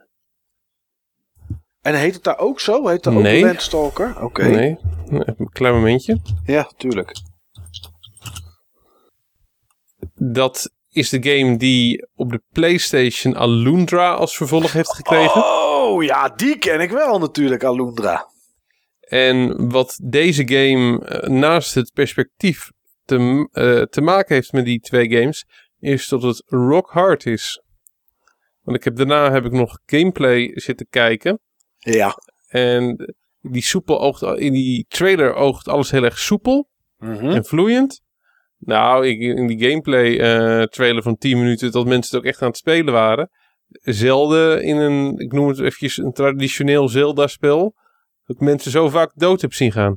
Oké. Okay. Oh, dus het is echt wel pittig. Twee mappen van een monster en je bent dood. Oh. Oké. Okay. Dus, uh, dit, dit prikkelt denk ik wel mensen hun, uh, hun masochistische Dark Souls botje. Die hebben wij, hè, Niels? Die zit in onze elleboog. Die, uh, okay. die zit daarin, ja. Oké, okay. vind je het, voor het interessant, uh, Steve? Zou het iets zijn als je een Xbox One of PC uh, gamer zou zijn, dat je dit zou willen proberen? Die trailer vond ik heel erg tof. Mm -hmm. um, toen wou ik hem eigenlijk in mijn top 3 zetten. Op dat moment. En nadat ik zeg maar die gameplaybeelden had gezien, was ik iets minder overtuigd voor mezelf. Um, was ook net even iets minder. Dan mis je toch gewoon zeg maar, de vaart van zo'n zo'n trailer. En in zo'n trailer kan je natuurlijk echt, een echt momenten creëren door bam, bam, bam. allemaal toffe scènes achter elkaar te zetten. Ja, met een um, episch muziekje erbij en dat soort dingen. Ja, ja. Ik denk wel dat het voor jullie tof is. Oké. Nou, ik, uh, ik ga daar nog eens even de losse gameplay dan van, uh, van bekijken. Een uh, game daarna was Jump Force. Uh, dat was die game, uh, ja, typisch Japans ook weer.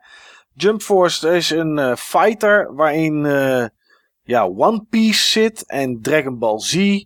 En nou, allemaal van dat soort Japanse anime figuren.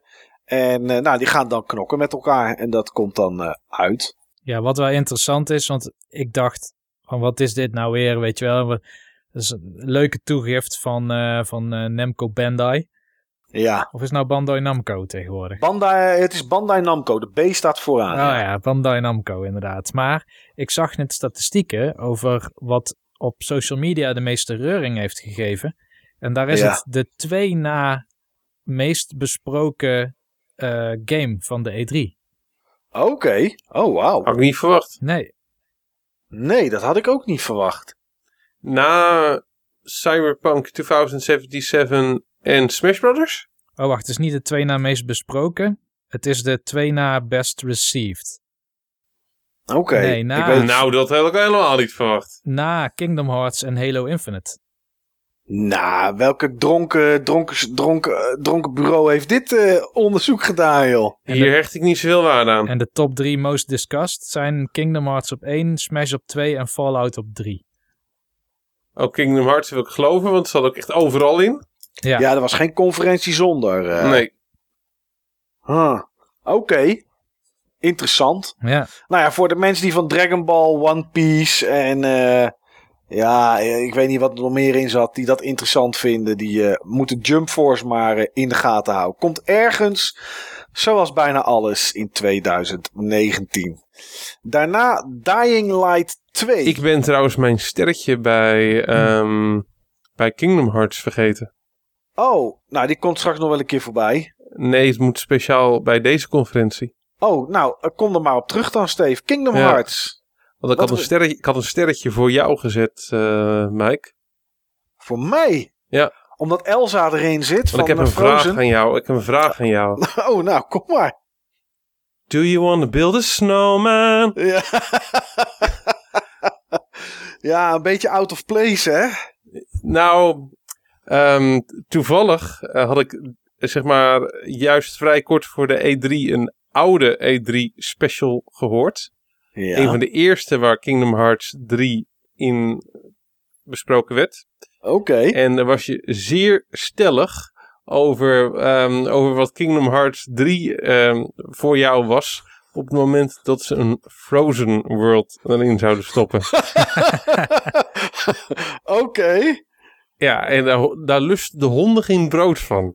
Hoe je tekeer ging. Oké, dan ben ik wel gematigder geworden door de tijd heen, denk ik, hè? Ja, wat, uh, wat twee jaar kan doen met een mens. Ja. Jaar. Ja, ik zeg nu gewoon van dat het niet iets voor mij is, maar dat er vast publiek voor is. Dat is tegenwoordig. Uh... Ja, je bent echt soft geworden, Mike. Ik weet het. Ik, ja, ik moet het, het gaat daar nu niet om. Ik merk het ook aan mezelf. Ik merk het ook als ik stukjes tik voor duimschroef of wat dan ook. Ik ben, uh, ik ben minder met de botte hakbel geworden tegenwoordig. Wel eerlijk, en, eh, maar het is, ja, Nee, ik... Uh, maar goed. Ja, hier, hier kwam het dan naar voren, hè? De liefste Elsa.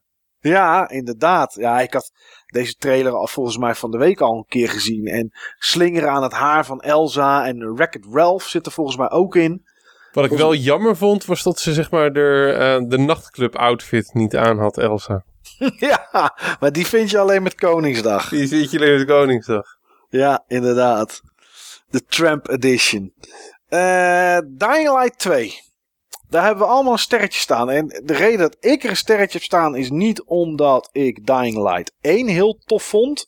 Dat heb ik niet zo heel veel gespeeld ook. Ik heb het wel geprobeerd, maar ik hou niet zo van dat, uh, van dat freerun-achtige gedoe, zeg maar. En dat zat daar uh, behoorlijk in.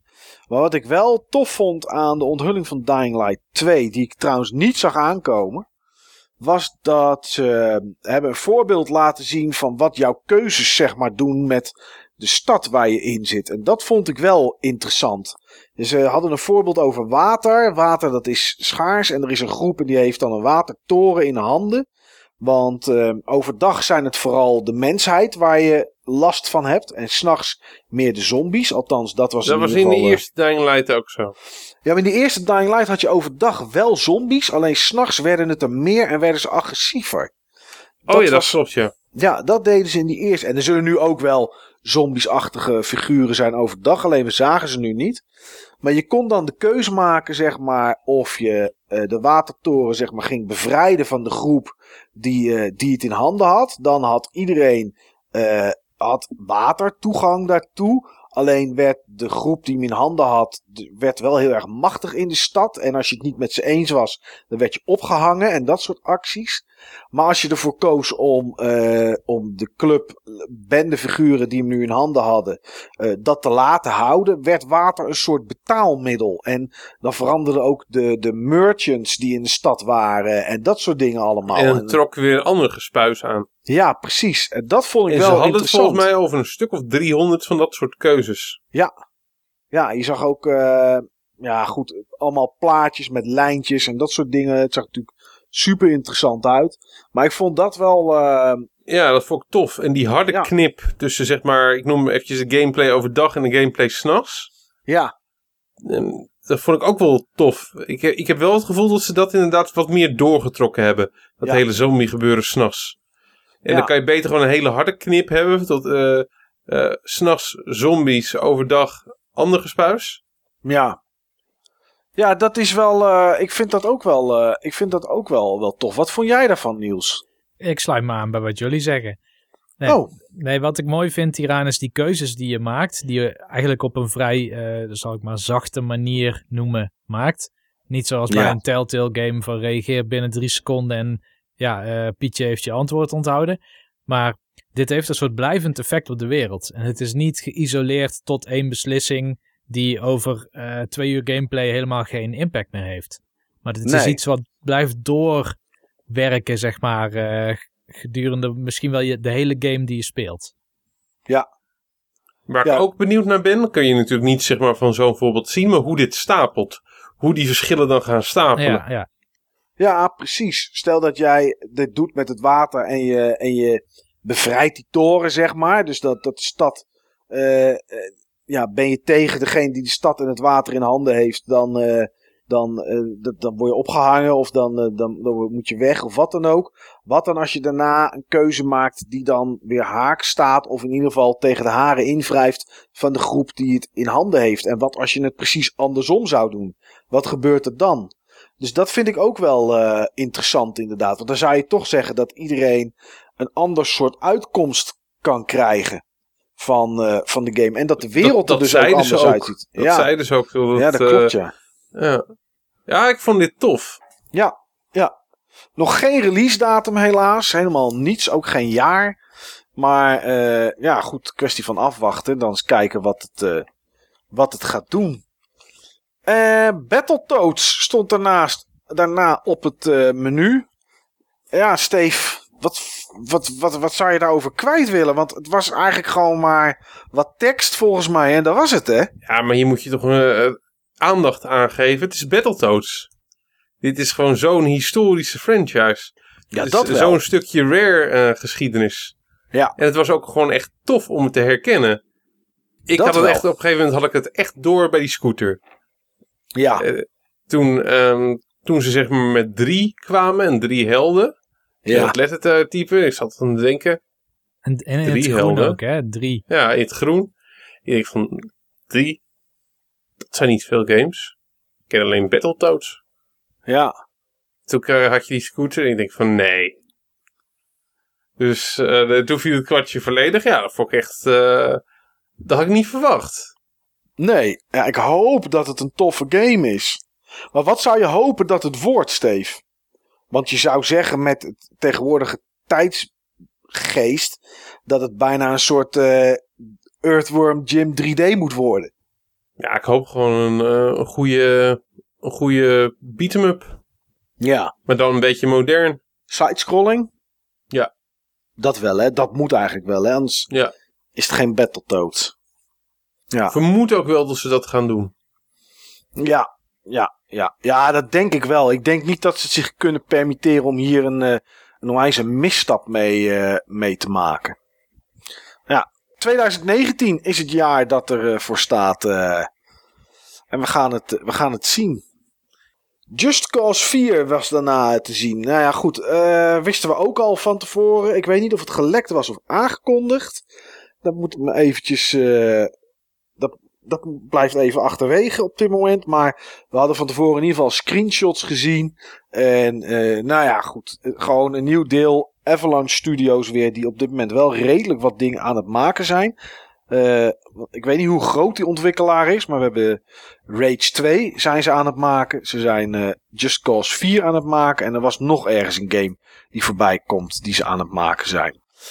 Ehm Daarna kregen we drie Gears games. En de eerste was Gears Pop voor iOS en Android. Nou, Pop, dat zijn die, uh, die schattige, maar soms o zo dure poppetjes die je kan kopen met uh, een beetje cartoony uiterlijk. Vaak een wat groter hoofd en een wat kleiner lichaam.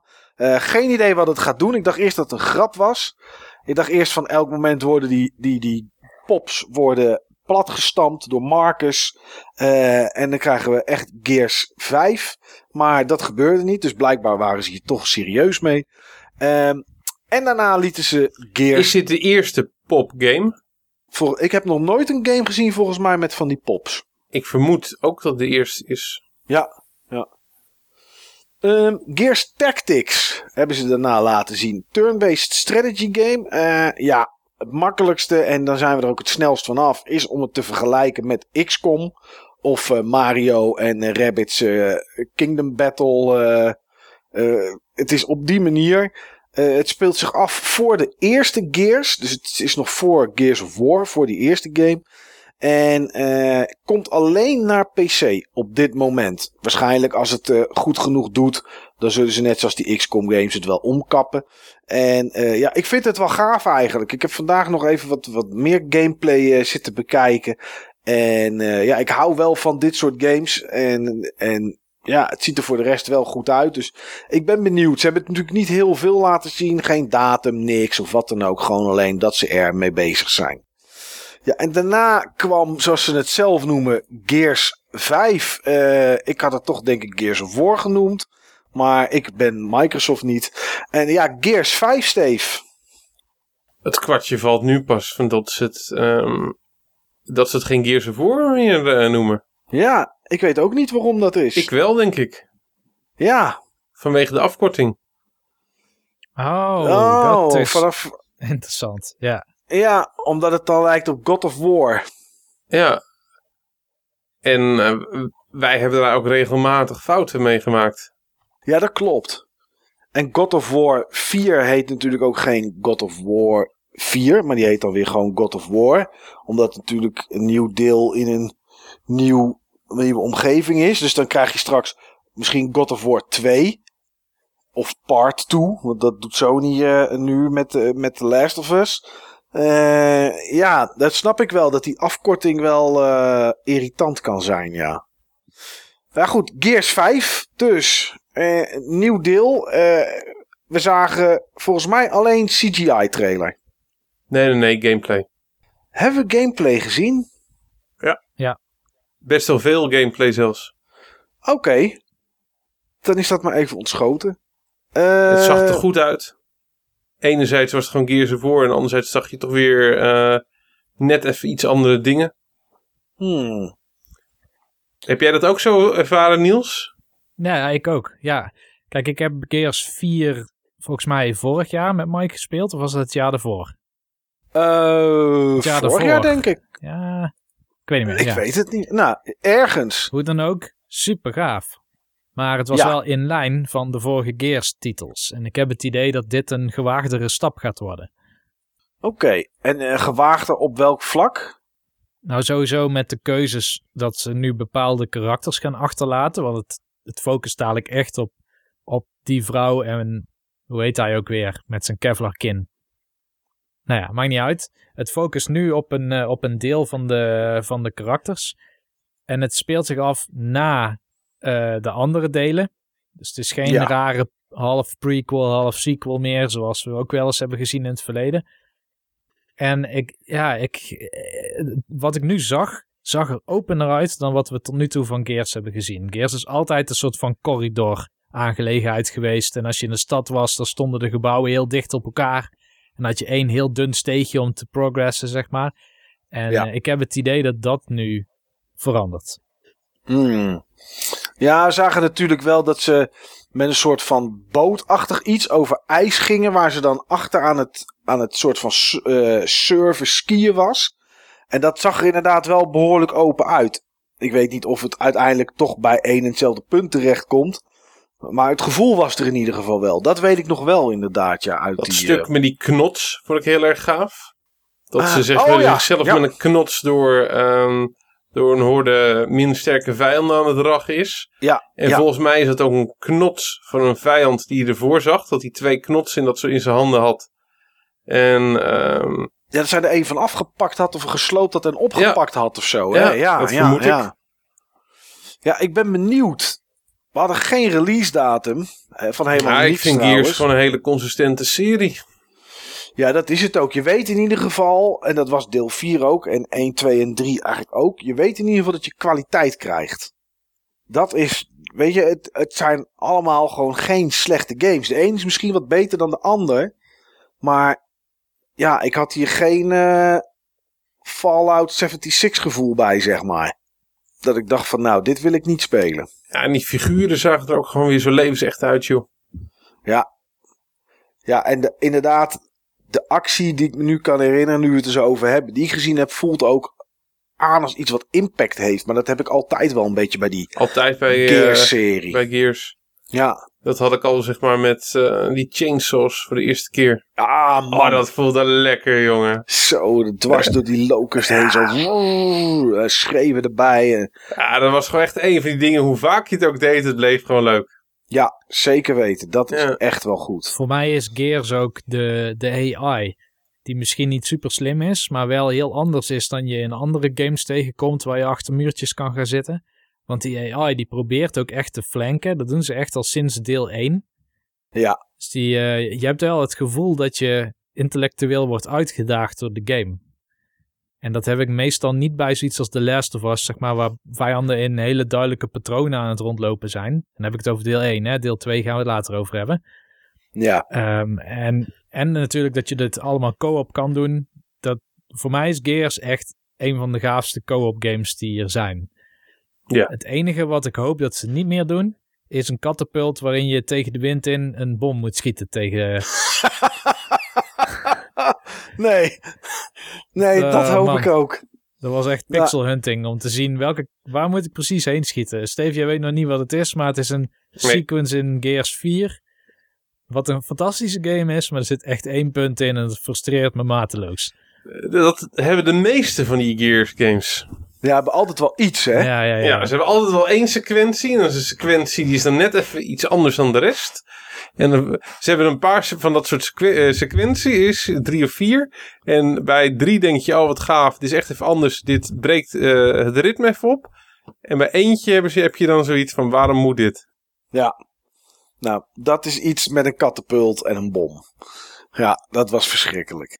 Ja, ik kan alleen maar zeggen dat ik er naar uitkijk, jongens, naar, eh, naar Gears 5. Ik ben eh, super benieuwd. Ehm, toen was de conferentie bijna afgelopen. Microsoft moest toch nog even vertellen dat ze bezig zijn met eh, een volgende Xbox. Nou ja, goed, dat is logisch. Dat had iedereen ook wel verwacht. Maar ja, goed, ze wilden toch even vertellen. En ze waren bezig om ervoor te zorgen, en dat is hetzelfde als wat dan eh EA had met, eh, met hun Origin, eh, dat ze er toch naartoe willen dat je alle Microsoft games kan spelen op welk platform dan ook in streamende vorm. Nou ja, goed, dat is, eh, ja, denk ik logisch dat dat de toekomst is. En het is leuk om te horen dat ze daar, eh, dat ze daarmee eh, mee begonnen. Tenminste, dat ze zeggen dat ze ermee bezig zijn. Ja, en uh, terwijl Phil Spencer. Mijn gevoel zegt dat Microsoft het als eerste echt goed voor elkaar gaat hebben. Dat denk ik ook. Dat denk ik ook. En de reden dat ik, dat ik het denk, weet niet waarom jij het denkt, Steve, is dat er toch behoorlijk veel technologie bij komt kijken met servers en dat soort fratsen. En dat kunnen ze natuurlijk wel. Dat, bij Microsoft. Van wat jij nu zegt. Ja, ja. Ja, toen was Phil Spencer aan het afsluiten. En uh, tijdens het afsluiten, toen uh, sloeg het podium op hol, werd het beeld zwart. En leek het alsof er gehackt werd. En toen dacht ik, oh, als dit maar geen Watch Dogs 3 is. Nou, dat heb ik geen moment gedacht. Ja, ik heb het wel even gedacht. Maar goed, het was het niet. Het was uh, Cyberpunk 2077. Ja, ik uh, moet zeggen, als we alleen naar de E3-presentaties kijken, dat mijn indruk anders is. Maar inmiddels hebben we natuurlijk ook dingen gelezen van mensen die daar uh, behind closed doors demo's hebben gezien. Ja, Steve, brand los. Wat is jouw indruk? Wat vind je ervan? Wat vond je van de onthulling? Tof. Ja. Ik vond het echt heel tof. Gewoon de wereld die daar. Daar wordt echt gewoon een wereld neergezet. Ja. Je ziet eigenlijk totaal geen gameplay. Um, nee, in de, in de trailer hebben we geen gameplay gezien, maar wel echt gewoon inderdaad een grote stad. Ja. Waar niet drie poppetjes rondlopen, maar gewoon er is echt iets neergezet. Ze doen maar één ding. Ze doen echt in, die, in die trailer doen ze maar één ding. Ze zetten een setting neer. Ja. En die setting is super gaaf. Het is voor mijn gevoel ook een setting die we nog nooit ergens anders gezien hebben. We hebben deze nog nooit gezien. Het is ook niet wat ik verwacht had. Um, op het moment dat ik aan Cyberpunk denk, denk ik aan, aan Blade Runner. Um, denk ik aan. De Matrix? Misschien een beetje? Ook, maar ik, ik denk vooral aan Blade Runner. Ja. En, um, en Syndicate. Ik denk aan donkere, grauwe steden, regen, beetje, beetje film noir. Um, dat is dit niet. Dit is heel erg kleurrijk. Ja. Dit is Netrunner. Is zeker. Netrunner? Wat is dat dan? Dat ken ik helemaal niet. Oké, Netrunner is een, uh, een IP en daar is ook een card game van. Ook van de maker van, of de bedenker van Magic the Gathering. En um, ja, dat is een spel wat ik ook een hele tijd heb gespeeld. Er is een heruitgave van. En dat is cyberpunk op het niveau van een. Ja, je kan het je voorstellen als uh, een, een, stad, zeg maar, 20 jaar in de toekomst. Maar waar hacken en inbreken uh, en uh, het beveiligen tegen data leaks en zo, dat dat eigenlijk het belangrijkste is wat er nog is. Oké. En Cyberpunk doet er nog een behoorlijke stap bovenop. Die laat ook implantaten zien en dat soort dingen. Die gaan wel wat verder dan wat Netrunner doet. Maar ik las dat Netrunner een van de inspiraties was. Oh, oké. Dat wist ik helemaal niet, joh. Nou goed, ik ken het ook niet, dus dat scheelt. Ja, in feite is het gewoon een, een kruising tussen uh, Netrunner. Um, het, het, deed me denken aan een van de megacities uit, um, uit Judge Dredd. Ja. Um, het heeft natuurlijk een beetje System Shock, Deus Ex-achtige vibe. Ja, er zit gewoon heel veel um, coole futuristische elementen in. Ja. Wat ik uh, tof vond, uh, om, uh, voordat we naar. want we hebben allemaal waarschijnlijk wel een beetje gelezen hoe de game in elkaar steekt. vanuit de previews die geweest zijn. Wat ik tof vond, en ik had het vermoeden, maar ik deed er eigenlijk voor de rest niets mee op dat moment. Was toen we het begin van die onthulling kregen, zag je iemand die gewoon in DOS wat dingetjes aan het tikken was. En toen zag je op een gegeven moment heel veel codes voorbij flitsen. Nou, inmiddels heeft het geen nut meer, denk ik. Maar dat bleken later dat dat uh, codes waren voor The Witcher 3 op de Xbox. Met alle DLC erbij, dus de Game of the Year Edition. Er kwam een hele rits aan codes voorbij in het begin. Dus als je snel genoeg was, kon je die invoeren en had je gewoon The Witcher 3 gratis. Ja, dat soort dingetjes Leuk, is echt CD Project-achtig. Dat vind ik zo gaaf. Je ziet die, die, die codes voorbij flitsen. Ik, ik dacht nog van, het lijken wel Xbox-codes. Maar ja, goed, uh, doe ik voor de rest niks mee. Maar later las ik dus op Twitter terug uh, dat het dus echte codes waren. Dus daar had je The Witcher 3 gratis mee kunnen krijgen. Als je het geluk had, zeg maar. Super tof. Ja. Vind ik echt, vind ik echt heel tof. Ja. Maar goed, ja, we hebben uh, gelezen wat de game is. Tenminste, van mensen die een 50 minuten durende demo hebben gehad. Zoals Eurogamer en VG247, Kotaku, dat soort uh, outlets. Hoe is, is jullie idee van de game daardoor veranderd, jongens? Hebben jullie dingen gelezen die je interessant vond of die je in één keer minder vond? Mag ik, zal ik ja, eerst gaan? tuurlijk, tuurlijk. Um, nou, wat gewoon heel duidelijk is en wat ik... je had het kunnen verwachten, maar ik had het niet verwacht. Het is niet The Witcher. Nee, dat is het zeker niet. Ik had dan toch een beetje de template van The Witcher uh, verwacht. Um, Third person uh, gameplay. Maar als ik gewoon kijk van wat het is, uh, ik vind het helemaal niet onlogisch dat het een, um, dat een first person ja, game is. Nee, ze noemen het zelf first person RPG. Dan denk ik, ga ik een beetje denken aan Deus Ex. Ja. Uh, Deus Ex System Shock. Ja, ik heb wel inmiddels gezien op het internet dat het internet langzaam niet zo blij is met first person. Die hadden toch uh, liever wat anders gezien. Ja goed, je hebt altijd voor- en tegenstanders, maar er, er zijn, best wel, zijn best wel wat tegenstandgeluiden. Want het is third person op, in cutscenes af en toe. En uh, als je aan het autorijden bent bijvoorbeeld. Nou, ik leef mee met de mensen die er niet tegen kunnen, want die zijn er. Die misselijk ja, worden las... van first person. Ik zag het bij ons op het forum ook, hè, in het E3-topic. Gallius bijvoorbeeld. Die, uh, ja, die baalt ervan, want nu, hij gaat dit nu niet spelen. Want daar, hij kan daar niet tegen, inderdaad. En persoonlijk zag ik het juist wel zitten. Ik vind het ook wel tof, moet ik zeggen. Het geeft toch net even iets meer beleving van een speelwereld, namelijk. Als het first person is. Nou, en ik begin een beetje third person over the shoulder cam moeten worden. Hmm. Die games zijn er zoveel. Ja. En nou Ja. is dit wel een hele unieke game met een hele unieke setting. Maar er komen nog wel een rits games die besproken worden. Misschien ehm, die op een gegeven moment, als je je ogen een beetje, of in ieder geval een beetje door je wimpers kijkt, er bijna identiek uitzien. Ja, dat is, ja, daar zijn er genoeg van eigenlijk. Dat is, eh, dat is zo. Maar het is, En het opent Ja. nieuwe mogelijkheden. Hè? Dus hoe ga je een interactie aan met een NPC of met, met iemand die je gaat bevechten in first person? Ik verwacht niet dat het gewoon een soort shooter wordt. Waar je gewoon maar wat schiet. Nee, ja, ze zeggen, wat, dat was natuurlijk wat, eh, waar mensen commentaar op gingen geven, dat het nu dus een first-person shooter zou zijn. Maar dat is het dus niet, zeg maar. Het is echt een first-person RPG. Ja. Er zitten wel schietelementen in.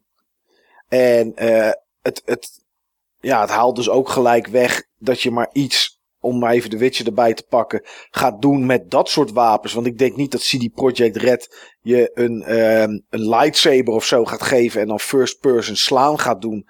Zoals in Skyrim of... eh, of eh, Ik ja, sluit het niet uit. Ja, ik, ik hoop het in ieder geval of niet. gewoon echt melee eh, combat met die implants. Ik sluit, het, ik sluit het helemaal niet uit. Maar ik verwacht dat het merendeel van, van de combat toch wel op afstand plaats zal vinden. Ja, Ja. ja. Nou, wat ik wel heel tof vond is... ehm, kijk, The Witcher 3 is echt een enorm uitgestrekte wereld. En dat is super gaaf. Maar dit is een andere aanpak. Dus de wereld is veel compacter, maar wel veel verticaler. Dat je eigenlijk Ja. meer kan doen met de, met de oppervlaktes die je hebt. Misschien ook omdat er heel veel hoogbouw is. Ik weet natuurlijk niet precies hoe dat eruit gaat zien. Eh, we weten wel dat er een soort San Francisco LA-achtige stad is. Die eh, in ieder geval ehm, ja, misschien wel de Novigrad zeg maar, van, eh, van deze game zal gaan worden. En, Ja. en daar kun je schijnbaar allerlei gebouwen in, misschien wel alle gebouwen in. Ja, dat zou wel gaaf zijn. Maar damn, hoeveel tijd moeten we dan in deze game gaan stoppen, hé? Ik vermoed overigens dat echt één stad zal zijn waar het zich af zal spelen. Ik denk het wel. Ja, Ook omdat er zo eh, duidelijk al over werd gezegd: This is my city. This, is, this city was voted the worst place to live in 2076. But still, everybody wants to live here. Ehm, Ja. Ik, ja, eh, als het echt gewoon een megacity is, dan, dan is het ook gewoon prima. Ja, Ja, dat is ook zo. Dan kom je misschien wel een beetje bij wat outskirts. Bij gewoon wat, wat dingetjes daarbuiten. Maar ja, misschien speelt een groot deel wel af in de stad. Alleen maar. En dat kan natuurlijk prima. Want ik bedoel, daar kan je ook genoeg settings eh, neerzetten. Ik bedoel, eh, er zal ongetwijfeld een groot iets zijn dat onder de grond is. En ja, nee, ik weet het gewoon niet. Ik heb wel, ik heb een beetje door die previews heen zitten, zitten lezen. Omdat ik toch het liefst gewoon zelf gameplay zie. Maar het, het is grof. Hier en daar, lees ik. Het is extreem grof, hier en daar. Eh, er gebeuren dingen met eh, ogen eruit halen en, en armen eraf halen en, en dat dan bijwerken en dat soort zaken allemaal. Eh, langdurige relaties en seksuele relaties kan je aangaan met Jan en Alleman. Ik, eh, volgens mij is dit, ja, wordt dit echt een, een game waar zoveel in zit en waar zoveel in kan. Dat is echt bizar, denk ik. Dit wordt echt ook typisch gevalletje van adult game. Zeker weten. Ja. Als dit geen adult rating krijgt, dan weet ik het niet. Nee. Het enige wat ik jammer vind, maar ja, goed, ik had het niet verwacht, is dat we nog geen, eh, geen datum, of nou, nou, sowieso, maar ook nog geen jaar hebben. Het is nog, eh, dat moet allemaal nog komen. John Linneman van eh, Digital Foundry, die had getweet dat hij verwacht dat het deze generatie niet meer uitkomt, omdat het er te goed uitzag. Ik verwacht het ook. Ik denk ook dat dit niet meer komt. En ehm, omdat Microsoft de marketingrechten heeft, denk ik dat dit dan een van de grote Xbox 2 games wordt. Ja, in ieder geval de volgende, de volgende Xbox. Ja. Dat het daarvoor uitkomt. Ja. Ja, of het wordt exclusief daarvoor, voor die generatie. Of inderdaad gewoon een gevalletje Breath of the Wild. Ja, ja, ja, inderdaad. Ja, goed. eh, we zijn aan het einde van de Microsoft persconferentie. Steve, wat is jouw algemene indruk van deze persconferentie? Precies het tegenovergestelde van de, EA, van eh, de Electronic Arts ehm, conferentie. Ik Ja. vond hem werkelijk waar geweldig. Ja. Ik vond het een van de beste persconferenties die ik in jaren, jaren gezien heb. Ja. Ehm, ik had een heel dubbel gevoel erbij. Eh, enerzijds had ik ze, eh, toen had ik echt extreem zin in E3. Mhm. Maar als ik, als, van, als de E3 daarna over was geweest, had ik het ook prima gevonden. Ja, was het ook goed geweest. Is het ja. ook gewoon goed geweest. Dit was echt eh, top. Geweldig.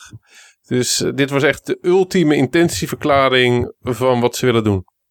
Ja. Dit was zeg maar het, eh, het Microsoft alternatief van voor de gamers. En ze zijn het in de laatste jaren gewoon iteratief ingezet. Met, eh, door zeg maar de best mogelijke hardware op console vlak neer te zetten. Door ehm, die backwards compatibil- compatibility voor elkaar te krijgen op een hele goede manier. Tal van zaken waarmee ze toch dingen langzaam maar zeker aan het recht trekken zijn. En ze stonden natuurlijk op zo'n gigantische achterstand. En ze hadden zulke grove fouten eh, gemaakt. En ik had ook die uitzending had ik een tijdje terug. Inmiddels al, is het alweer ruim een maand terug, teruggehoord. En onze reacties eh, daarop. Dat was niet mis, jongens.